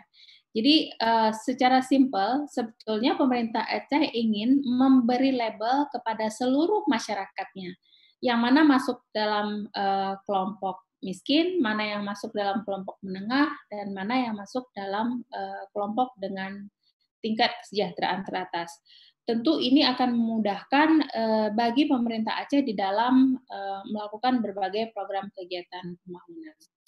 Terakhir kita lihat di dalam skema ini yang nanti kami akan uji coba di tiga kabupaten terlebih dahulu di bulan Juni. Jika memang nanti skema ini berhasil, kita akan melakukan di 23 kabupaten kota sehingga uh, pemerintah Aceh akan memiliki bank data uh, terhadap 5,3 juta penduduk Aceh.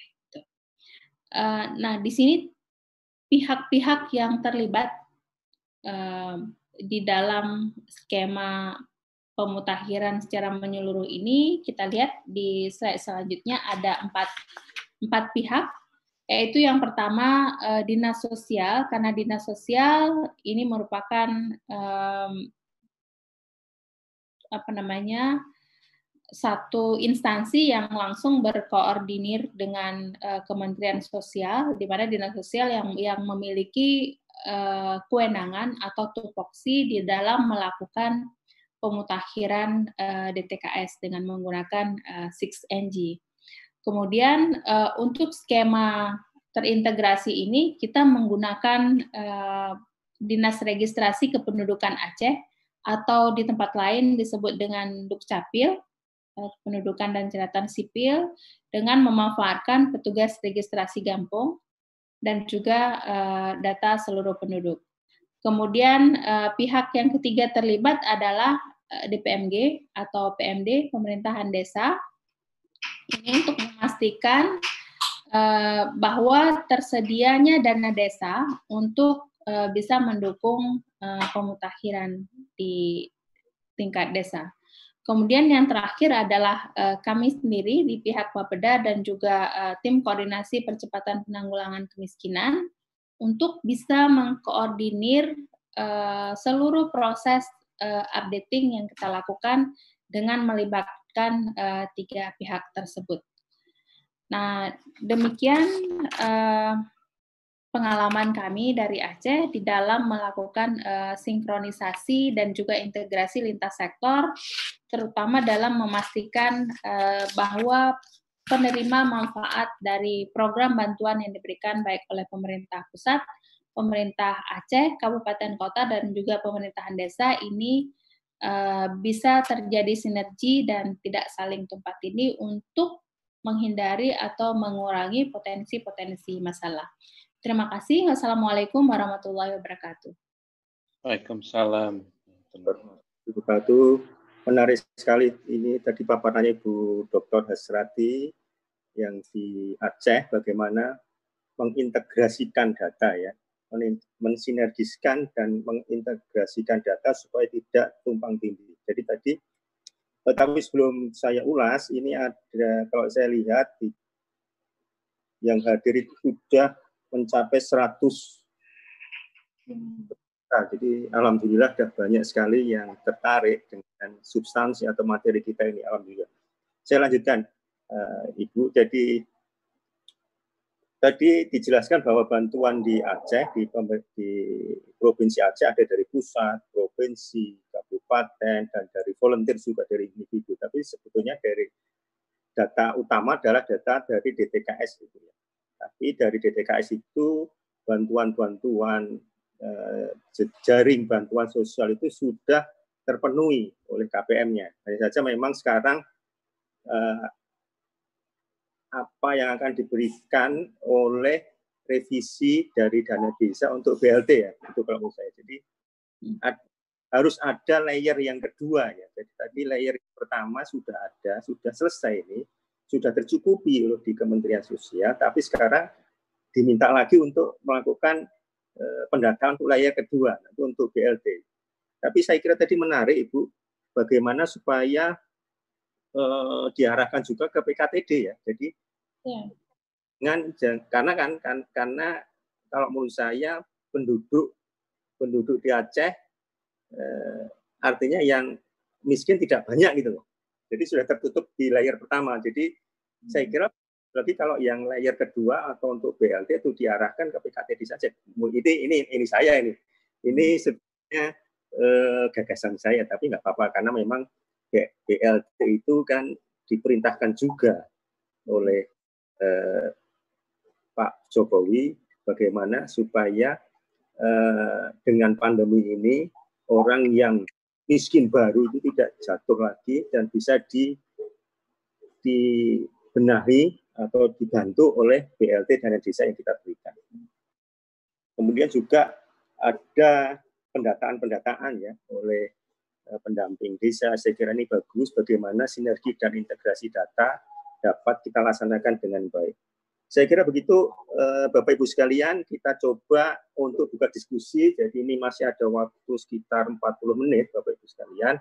Saya persilahkan untuk dua pertanyaan dahulu dan misalnya tidak bisa melalui forum webinar ini bisa dilakukan dengan menulis di chat ya. Saya persilahkan yang duluan ini. Silakan Bapak, ini sudah ada kelihatan. Oke Pak. Ya, silakan Pak sebut nama Pak dan dari oh. mana Pak? Oke, terima kasih Pak Widianto. Uh, saya Yuli Adri dari DPMD Kabupaten Darmasraya, Sumatera Barat. Oke Pak, dengar Pak? Dengar Pak. Silakan Pak. Oke Pak. Uh, kami sampaikan Pak nah, dari Darmasraya bahwa hari ini kami baru siap launching launching uh, penyaluran BLT dana desa untuk seluruh nagari di di, di Damasraya dikenal desa itu nagari kalau di Aceh tadi kampung ya gitu. Jadi hari ini adalah launching yang dilaksanakan oleh langsung dari Bapak Dirjen Kementerian Desa langsung tadi Pak bersama Gubernur Wakil Gubernur Sumatera Barat sama Bupati Wali Kota se Sumatera Barat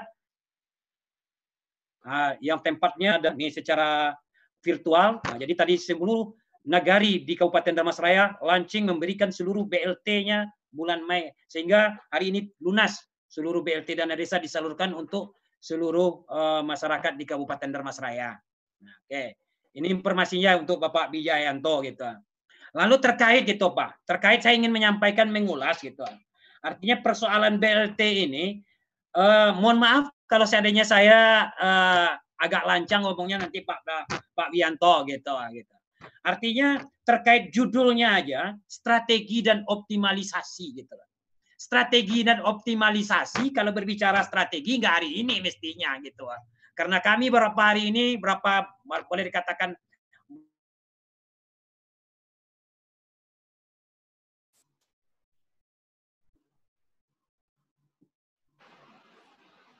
Halo, Pak. Putus ya?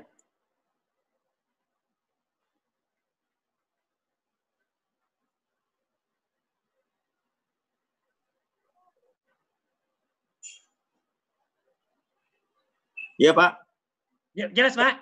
Jelas. Tadi terputus, Pak. Lanjut, Pak.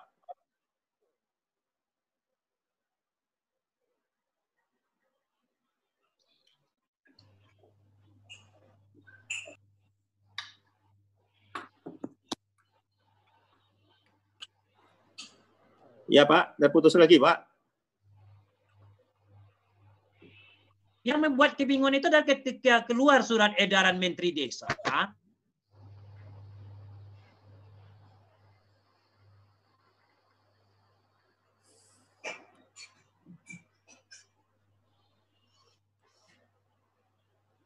BLT termasuk persoalan-persoalannya hampir sama gitu. Lalu saya tanya nih. Pertama persoalan BLT itu antar kementerian itu tidak terjadi sinkronisasi gitu.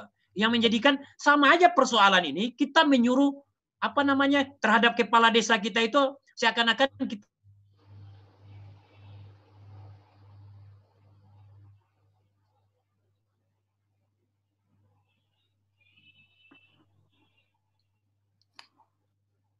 Halo.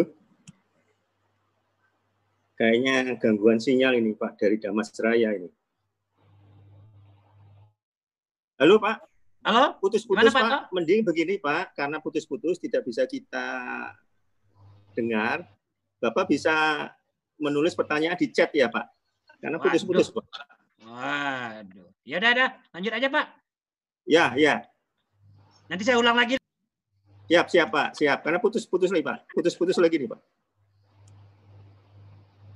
Lanjut pertanyaan yang kedua, kami persilahkan. Yang mau mohon bertanya. Ya, mohon izin Pak. Mohon izin Pak. Ya Ibu, silakan ya. Bu. Ya, saya Maria Pak dari Kementerian Koordinator Bidang Perekonomian. Oh baik Bu. Uh, Bu. Ya, begini Pak. Tadi pembicara pertama kalau tidak salah mengusulkan bahwa BLT itu tidak bentuk dalam bentuk tunai, tapi dalam bentuk uh, barang, begitu ya kalau nggak salah ya.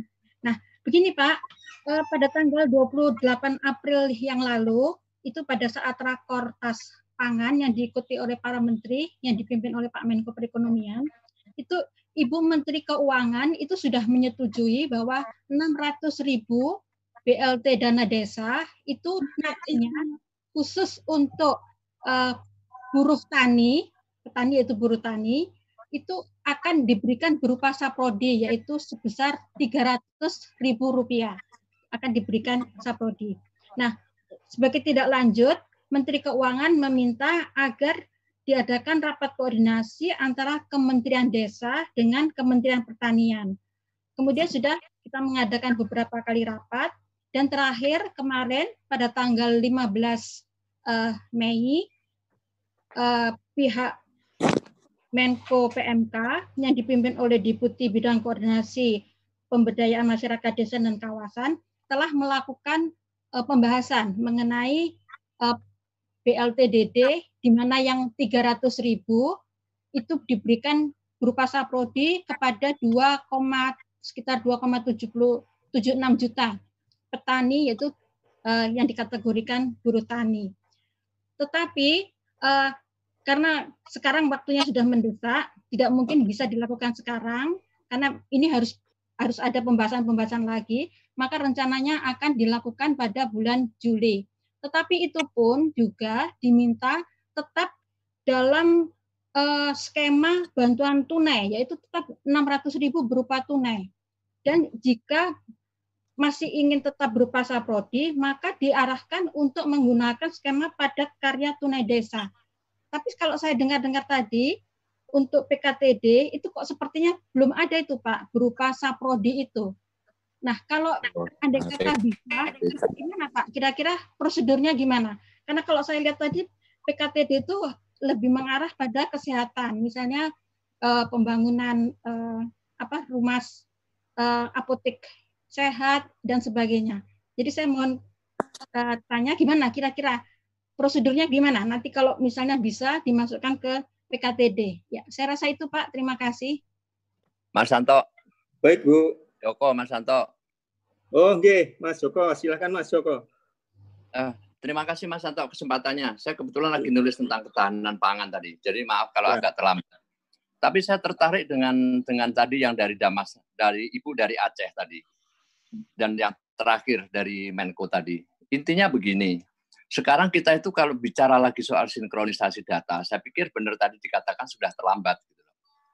Artinya dengan sekarang sudah adanya jaring pengaman sosial yang 110 triliun itu, artinya dengan tertatih-tatih kan sudah terdaftar itu sebenarnya.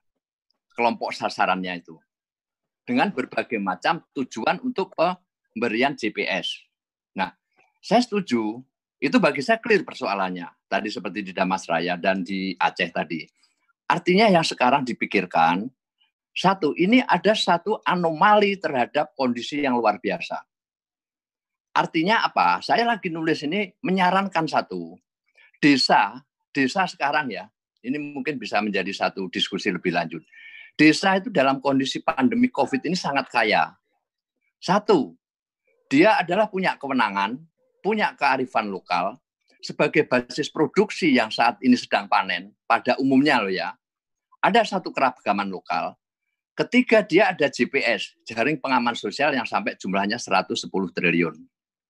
Nah, dia juga punya kelembagaan jelas dia juga ada modal pembangunan hasil dari DD apa pembangunan selama ini. Artinya apa?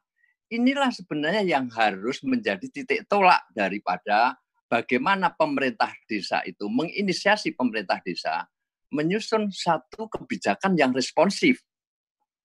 Kalau saya kebetulan konteksnya pangan, bagaimana sebenarnya kebijakan pemerintah desa itu dengan mengarus utamakan ketahanan pangan.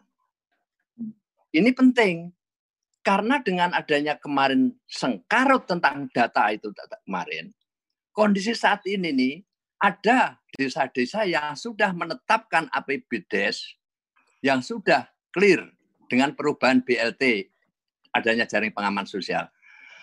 Juga ada desa-desa yang belum selesai untuk menyelesaikan APBK-nya karena masih sibuk soal sengkarutnya data tadi. Artinya apa? Justru masa kritis ini sebenarnya ini sampai dengan bulan Juni. Nah, bulan Juni inilah sebenarnya, walaupun tadi dikatakan terlambat tadi, yang dari Menko tadi, memang relatif agak terlambat, tapi tidak ada baiknya, tidak ada jeleknya. Harus ada satu kebijakan responsif. Bagaimana menata ulang, refocusing kebijakan terhadap politik anggaran pembangunan desa APBDes yang semuanya itu bermuara kepada ketahanan pangan. Contoh misalkan, bahwa dengan adanya pergeseran itu, yang kegiatan di bidang pembangunan yang umumnya fisik, selama itu tidak terkait dengan ketahanan pangan dan penanggulangan COVID, relokasi itu. Ke mana relokasinya? Satu untuk ketahanan pangan, kedua untuk penanganan COVID, yang ketiga untuk jaring pengaman sosial tadi. Secara teknisnya gini, ini sudah bicara soal teknis. Kalau soal ketahanan pangan, bisa tekniknya itu memberikan bantuan kepada BUMDes sebagai pengelola lumbung pangan, atau mereka jaring pengaman sosial di bidang lima, bidang lima itu ada kedaruratan, di bidang penanggulangan, itu bisa. Nah, untuk mengatasi bulan Juli sampai dengan bulan November, itulah bermain namanya PKTD. Begitu loh. Artinya padat karya tunai desa itu seyogianya digunakan untuk mendukung ketahanan pangan. Contoh misalkan, desa bisa memberikan satu bibit untuk diversifikasi dan intensifikasi lahan pekarangan desa bisa untuk juga meningkatkan panen yang selama ini sekali, dua kali melalui perbaikan saluran dan pembelian pompa-pompa. Nah, hal-hal seperti ini yang selama ini dilupakan. Kita sibuk dengan yang namanya kriteria BLT. Selesai BLT. Selesai BLT itu. Karena apa? Dengan seluruh adanya jaring pengaman data-data yang semuanya sudah tercover dengan jaring pengaman, itulah target daripada jaring pengaman sosial. baik melalui PKH, baik melalui BPNT, baik melalui dana desa, baik melalui yang macam-macam dari Kemensos dan ini. Saya setuju sebenarnya, tapi juga tidak setuju kalau misalkan dana desa nanti sebagian itu dalam bentuk tunai untuk misalkan tadi apa Ibu tadi mengusulkan untuk sarana produksi. Tidak untuk itu sebenarnya. Hmm. Justru saya menyarankan bagaimana nanti kalau Kementerian Pertahan eh, Pertanian itu yang katanya ada PLT, justru itu yang digunakan untuk mendukung diversifikasi pangan desa. Desa tidak hanya bisa untuk ketahanan dalam konteks diversifikasi eh, dalam konteks ketersediaan, tapi juga bisa dalam konteks pemahaman keragaman. Nah, ini loh yang sebenarnya. Ini waktunya pendek. Jadi ini merubah sistem politik anggaran. Kalau perlu desa itu diberi kewenangan untuk mengobrak-abrik dana desanya itu menyesuaikan, selama itu dilakukan sesuai dengan kebutuhan dan partisipatif dengan monitoring dari pemerintah kabupaten. Ini penting ini Mas Santo. Saya setuju dengan dengan tadi yang dari Aceh tadi. Jadi lupakan sekarang itu sengkar dari BLT karena apa pun juga sekarang sudah desa-desa teman-teman kepala desa melakukan. Saya kasih contoh ya. Kita itu punya data tentang 70 desa yang rawan pangan. Yang di dalamnya ada 10 lebih sekian desa. Yang itu apa komoditas utama bukan pangan utama namanya padi, tapi adalah umbi-umbian. Nah, ini sebenarnya teman-teman dari Deptan dan Menko memahami. Jadi clustering nanti di dalam alokasi bantuan pangan tentu tidak seragam. Gitu loh. Halo, Mas Santo? Halo? Mas ininya Mas, sudah ketangkap esensinya Mas. Ya. Jadi ya, sekarang ya. Berhentikan itu sengkarut tentang data itu. Ya.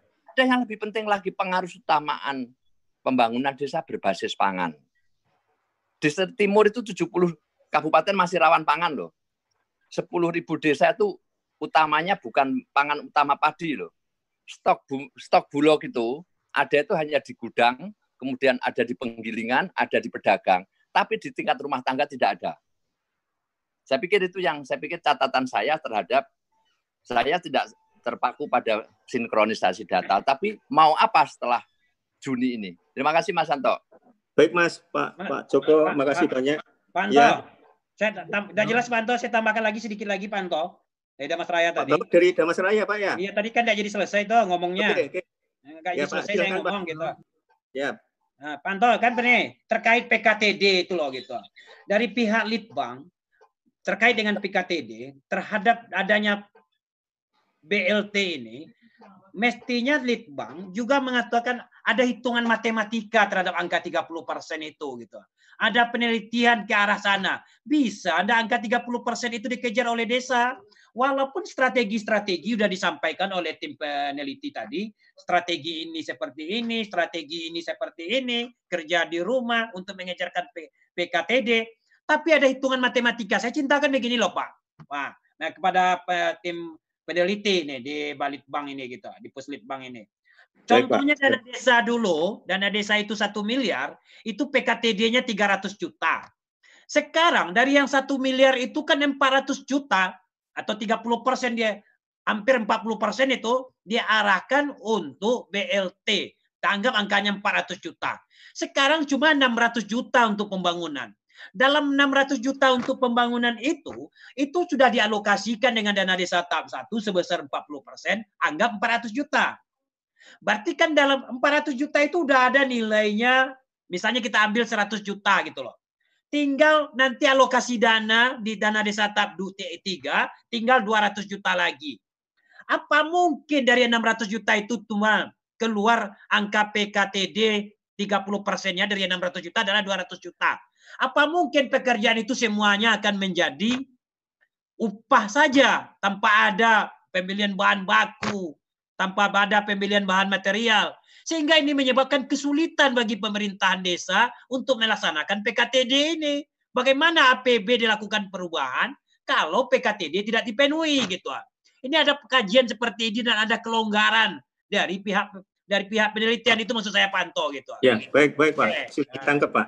Jadi nah. ya makasih Pak dari Pak dari Damasraya, kemudian nah. juga tadi dari Pak Joko dan dari Bu Maria. Saya tiga tiga dulu nih Pak, tiga dulu Pak ini menarik Pak. Oke oke tiga oke, dulu Pak. jadi eh, nanti dijawab oleh eh, panelis juga narasumber. Jadi sebetulnya intinya ini dana desa ini dipakai untuk apa saja sih sebetulnya gitu ya.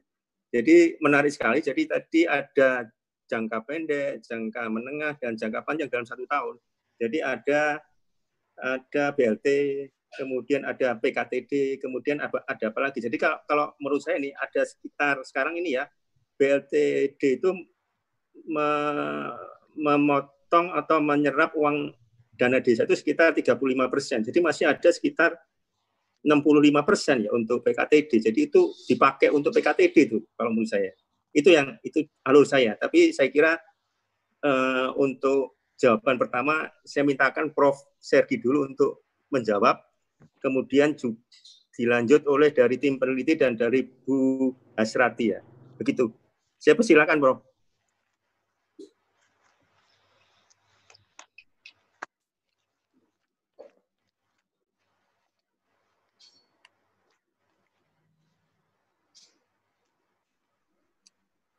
Mohon maaf, saya persilakan Prof. Sergi.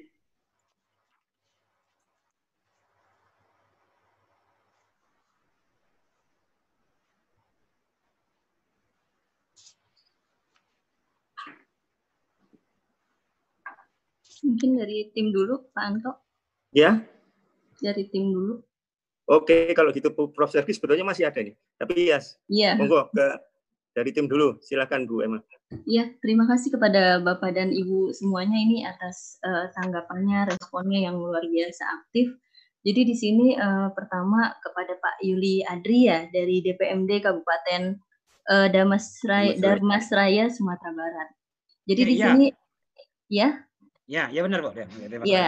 jadi gini Pak, uh, sekali lagi sekalian juga sama Bu Maria dari Kemenko Bidang Perekonomian bahwa saya tadi di awal uh, sudah menjelaskan juga bahwa polisi brief kami ini memang disusun pada tanggal 22 April 2020. Jadi ini adalah sebelum uh, adanya kebijakan yang dilontarkan oleh uh, Menteri Desa seperti apa penyaluran uh, BLT ini gitu. Jadi baru di apa publikasinya tuh baru sekarang gitu. Jadi udah sebulan lewat. Makanya uh, di sini kalau dibilang memang uh, sudah tidak membahas seperti yang dipikirkan ini. Jadi kita mau sebetulnya mempublikasi ini bahwa sudah ada beberapa strategi yang dijalankan oleh Kementerian Desa dan ada yang memang belum dijalankan seperti itu.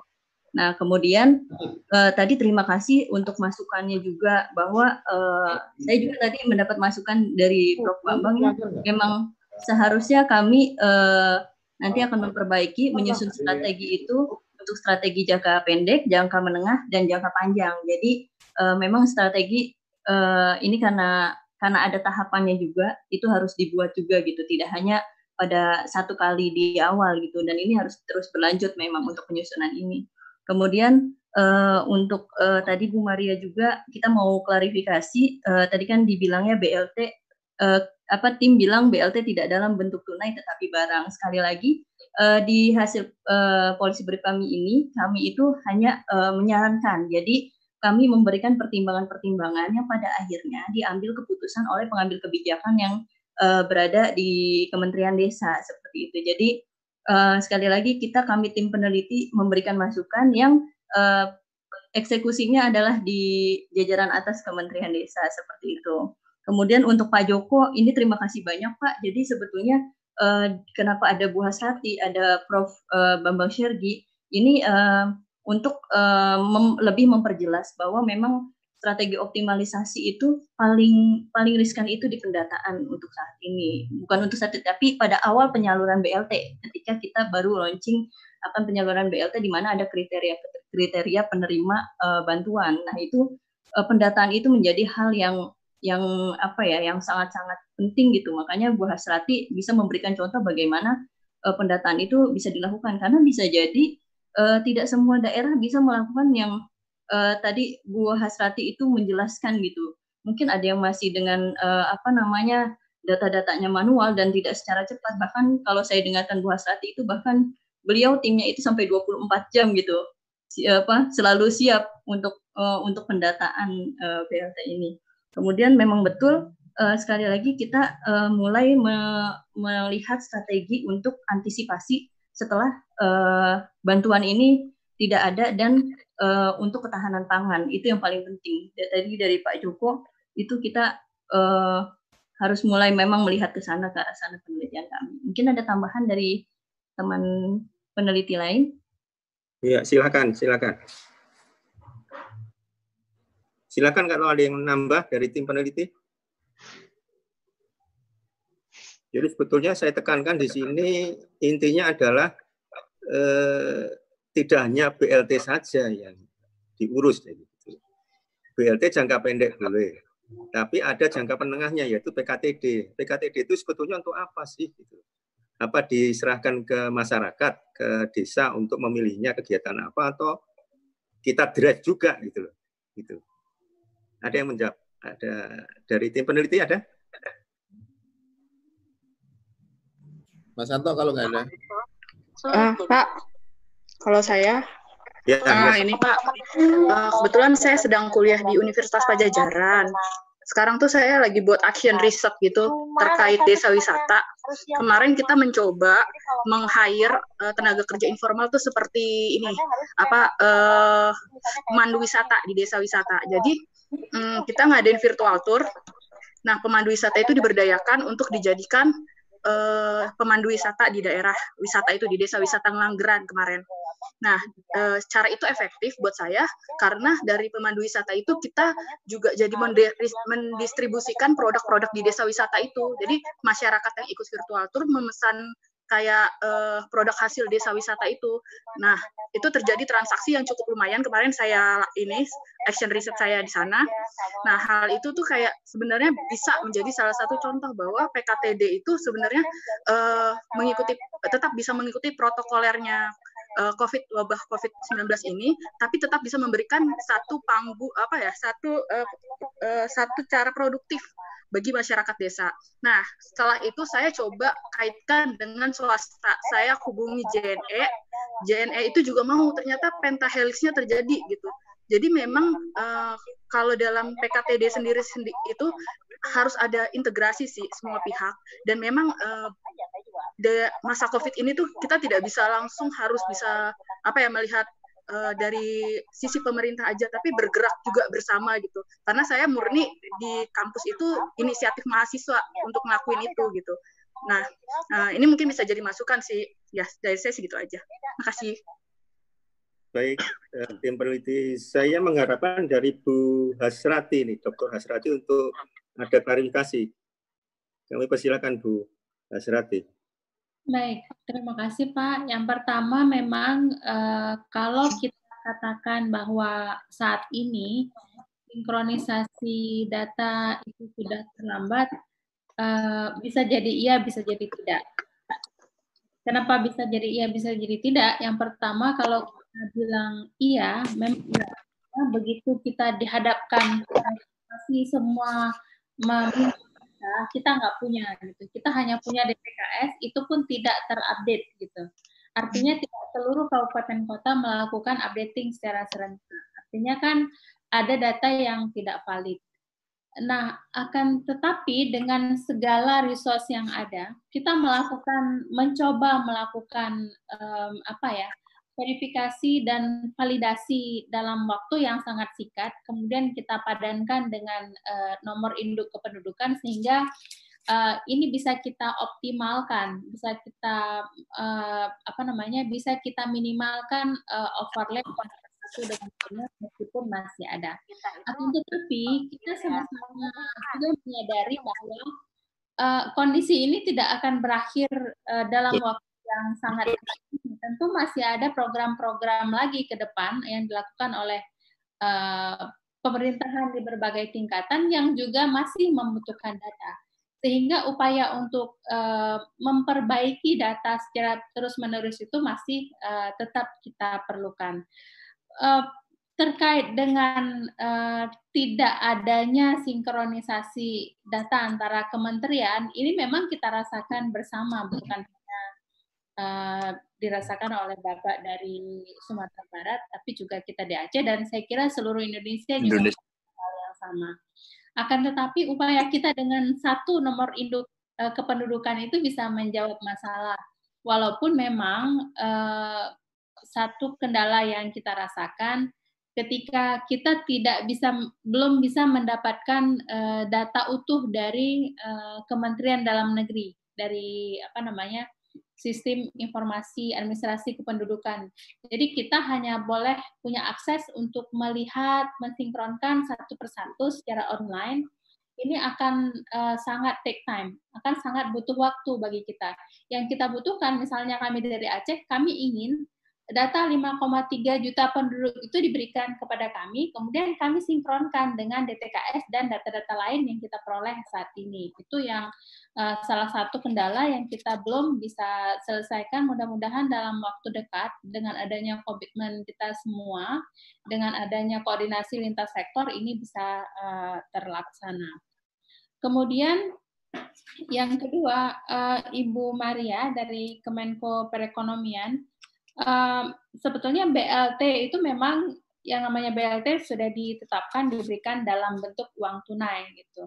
Akan tetapi kalau kami di Aceh sebetulnya berpendapat seperti ini. Boleh uh, dan memang BLT itu diberikan dalam bentuk uang tunai, akan tetapi uh, dengan persyaratan, dengan kondisional misalnya uh, uang itu digunakan untuk berbelanja di badan usaha milik uh, desa misalnya, di mana produk-produk atau komoditi-komoditi yang dijual di uh, badan usaha milik desa oleh oleh BUMD itu dihasilkan dari produksi masyarakat sendiri atau dari produksi lokal gitu. Karena kita dalam waktu bersamaan kan menghadapi uh, dua masalah besar. Yang pertama, uh, angka kemiskinan kita uh, melonjak karena tadi uh, munculnya orang miskin baru yang sebagai akibat dari pandemi COVID-19, kemudian juga pertumbuhan ekonomi yang uh, merosot drastis gitu. Dan peluang yang terbesar adalah di sektor pangan tadi sebagaimana dikatakan oleh Pak Joko ya di peluang itulah kita mau tangkap bagaimana kita bisa kembali menumbuhkan ekonomi dengan memanfaatkan uh, opportunity yang besar di bidang ketahanan pangan. Kemudian uh, Pak Joko, kami sangat bersepakat dengan Pak Joko, apalagi uh, eh, WHO sudah memperingatkan akan terjadinya krisis pangan dunia, gitu, bukan hanya di kita, gitu. Oleh karena itu, uh, kami sepakat dan pemerintah Aceh juga sudah uh, mengambil kebijakan untuk melakukan refocusing anggaran. Uh, dan kita akan fokus atau memprioritaskan pada ketahanan pangan. Nah, di sini juga kita melihat ada opportunity yang cukup besar di mana akibat krisis pangan dunia ini juga membuka peluang bagi kita di uh, di daerah-daerah yang punya potensi uh, sumber daya alam yang besar, terutama misalnya ketika lahannya masih luas, kemudian memungkinkan dilakukan intensifikasi dan ekstensifikasi pertanian, diversifikasi pangan. Nah, ini juga memungkinkan selain kita memenuhi, kebutuhan dalam negeri, ketahanan dan kemandirian pangan, juga kita bisa lakukan uh, ekspor Eh, terutama untuk eh, produk-produk atau komoditi-komoditi uh, pangan, baik pangan segar maupun pangan olahan. Jadi memang ini satu kebijakan yang sangat sangat penting ya untuk dilakukan sekarang. Uh, pengaruh utamaan pembangunan, sebagaimana Pak Joko katakan, pengaruh utamaan pembangunan desa berbasis pangan. Kita sudah sepakat untuk itu, Pak. Terima kasih. Baik Bu Hasrati, terima kasih banyak. Jadi saya kira sebetulnya ada satu poin lagi selain BLTD tadi untuk PKTD. Jadi PKTD itu untuk apa? Karena kan e, proporsinya adalah sampai sebagian besar 35% untuk BLTD dan sisanya untuk apa? Nah, 65% ini masih ada lagi ini untuk dana desa untuk apa? Jadi di, bisa diarahkan memang untuk PKTD. Hanya apakah kita harus drive lagi ya, di drive atau dikasih pedoman arahnya ke ketahanan pangan atau apa ini perlu perlu cepat juga kebijakan sosialnya gitu kalau menurut saya. Uh, selanjutnya saya kira saya masih mengundang Prof. Ferdi nih. Halo Mas. Oke, oke. Okay, saya Mas Santo satu aja. Ya, ya saya cukup Pak Malan. Yuk, makasih. Oh ya, Pak Profesor. makasih Pak Santo, Pak Bambang, Mbak Astrianti dari Aceh dan Mbak Bu Maria. Uh, di permen sudah dijelaskan bahwa semua dalam bentuk untuk BLT itu dalam bentuk tunai maupun non tunai sebetulnya. Tapi non tunainya itu bukan dalam bentuk barang, tapi dalam bentuk uh, cashless. Kalau ada itu perlu, saya rasa apa kearifan lokal masing-masing seperti yang di Aceh tadi harus ada yang kearifan lokal. Dan ke depan saya rasa karena kita bergerak di bidang penelitian tidak pengambilan keputusan, Eh, kita hanya bisa menyarankan bahwa BLT, eh, bahwa PKT itu ke depan ya memang harus kepada pengaman jaring pengaman untuk pangan. Kenapa? WHO sudah memperingatkan pada kita. Jangan sampai kita terperingatkan kembali kayak COVID. Indonesia aman-aman saja Januari. Dan berikutnya menjadi kurang bagus. Artinya itu menjadi sesuatu lampu lampu-lampu terang yang harus kita tuju ke sana. Dan kami terus terang ini Bu nanti Bu, Bu Asriati kalau mau bergabung minggu depan setelah Lebaran kami akan mengeluarkan hasil kajian kami yang terkait dengan jaring pengaman pangan untuk eh, nasional. Kira-kira nanti kita ambil spot-spot sudah kita siapkan. Karena itulah itulah usaha kami untuk membantu kementerian ini dalam segi pemikiran dan kelihatannya jaring pengaman pangan ini sudah akan menjadi satu kebijakan lagi yang dikeluarkan oleh Pak Menteri yang nantinya akan di, di launching juga kelihatannya. Tapi menunggu, mohon maaf ini Bu, kami tiap malam ini menyinkronkan data BLT seluruh Indonesia ini dari Papua sampai Sabang sana Bu, sampai jam 1 sampai jam 2. Yang sampai saat ini belum kelar-kelar juga itu tadi. Rebutan sekarang masyarakat desa sedang sedang menjadi primadona untuk penyaluran itu duitnya ada, yang menerima nggak ada gitu bu. Mendekati kiamat yang mau yang mau bersedekah banyak, yang mau nggak nggak mau banyak yang nggak mau menerima. Tapi ini kelihatannya yang mau menerima kan tidak boleh double sehingga banyak yang uh, tadi. Tapi terus terang ini kita harus uh, mengacu kepada bagaimana pengamanan pangan ke depan. Ini harus menjadi titik fokus kita berikutnya sehingga apa? Syukur Alhamdulillah pengamanan untuk pangan-pangan yang sifatnya kedaerahan itu dapat dikembangkan kembali. Kalau orang Papua itu lebih kenyang makan singkong daripada makan beras, ya kembali lagi ke singkong, ke ubi. Nanti orang mana lagi makan apa lah, itulah kembalilah ke sana. Sehingga eh, tidak lagi semua beras itu. Kedaerahan ini sangat penting sehingga nanti itu menjadi global gitu kan. Nanti singkong siapa tahu bisa diolah menjadi sesuatu yang berbeda. Tidak hanya gaplek. Kan itu. Saya rasa itu nanti menjadi fokus kita Bu berikutnya. Terus selanjutnya tadi Pak Yandri, terima kasih Pak Yandri atas kritiknya. Terima kasih sekali terus terang. Memang ini hasil kami ini dari dari bulan-bulan kemarin tuh. Dari bulan-bulan kemarin, jujur saya sebagai kapus untuk mengeluarkan itu sangat-sangat berpikir apa apa berpikir yang jangan sampai nanti saya menyalahi apa yang ada yang menjadi kebijakan dari kementerian. Saya menyinkronkan itu semua. Ini sebelumnya ada kajian tentang ini juga. Apresiasinya juga tinggi juga itu, apresiasinya tinggi juga. Sebelum ini ada kajian. Banyak juga pesertanya yang diikuti oleh itu. Oleh karena itu saya sangat berterima kasih atas apresiasi itu. Oleh karena itu terus terang ada tambahan-tambahan seperti tadi. Penghitungan 30 persen, 35 persen, 25 persen itu sudah dihitung tim teknis kami, Pak. Semuanya sudah dihitung tim teknis kami mengapa yang lebih dari 800 juta atau satu miliar lebih itu 35 persen. Kami sudah hitung, sudah dihitung itu Pak. Tetapi tentunya kalau tidak ada kesepahaman atau kesinkronan di itu, monggo silahkan diberikan kesempatan untuk menyesuaikan. Tentunya karena kita itu negara yang ada tata hukumnya, kita sampaikan kepada kementerian ini dan itu akan ditinjau oleh Pak Menteri, bukan tidak. Itu perhatikan. Sebagai contoh misalkan, di Bogor itu akan membagikan BLT-nya kurang dari 600 karena ketentuan 600 kita tidak tahan kita, kita tahan tapi akan ditambahkan ya monggo silahkan gitu kan akhirnya ada ada kearifan-kearifan seperti juga yang di Bali. Jadi berbagai berbagai kendala, berbagai varians yang ada di desa atau di daerah-daerah kita sangat eh, perhatikan. Makanya di sana ada berbunyi kearifan lokal. Di aturan kami itu ada berbunyi tentang kearifan lokal. Artinya apa? Daerah melalui musdes itulah yang sangat menentukan. Kami hanya memberikan suatu apa orang Jawa itu awur-awur. Awur-awur itu apa ya? Kisi-kisi lah. Jangan sampai yang kisi-kisi ini untuk tidak tidur. Tapi ada kearifan lokal yang diberikan kepada Bapak Ibu yang ada di desa, di daerah untuk mengembangkan sesuai dengan kebutuhannya masing-masing. Mungkin itu saja Mas Santo, terima kasih. Baik, Pak Malan, saya kira ini waktu yang membatasi, tapi saya tetap uh, meminta dengan sangat untuk Prof. Sergi memberikan closing statement nih, Prof.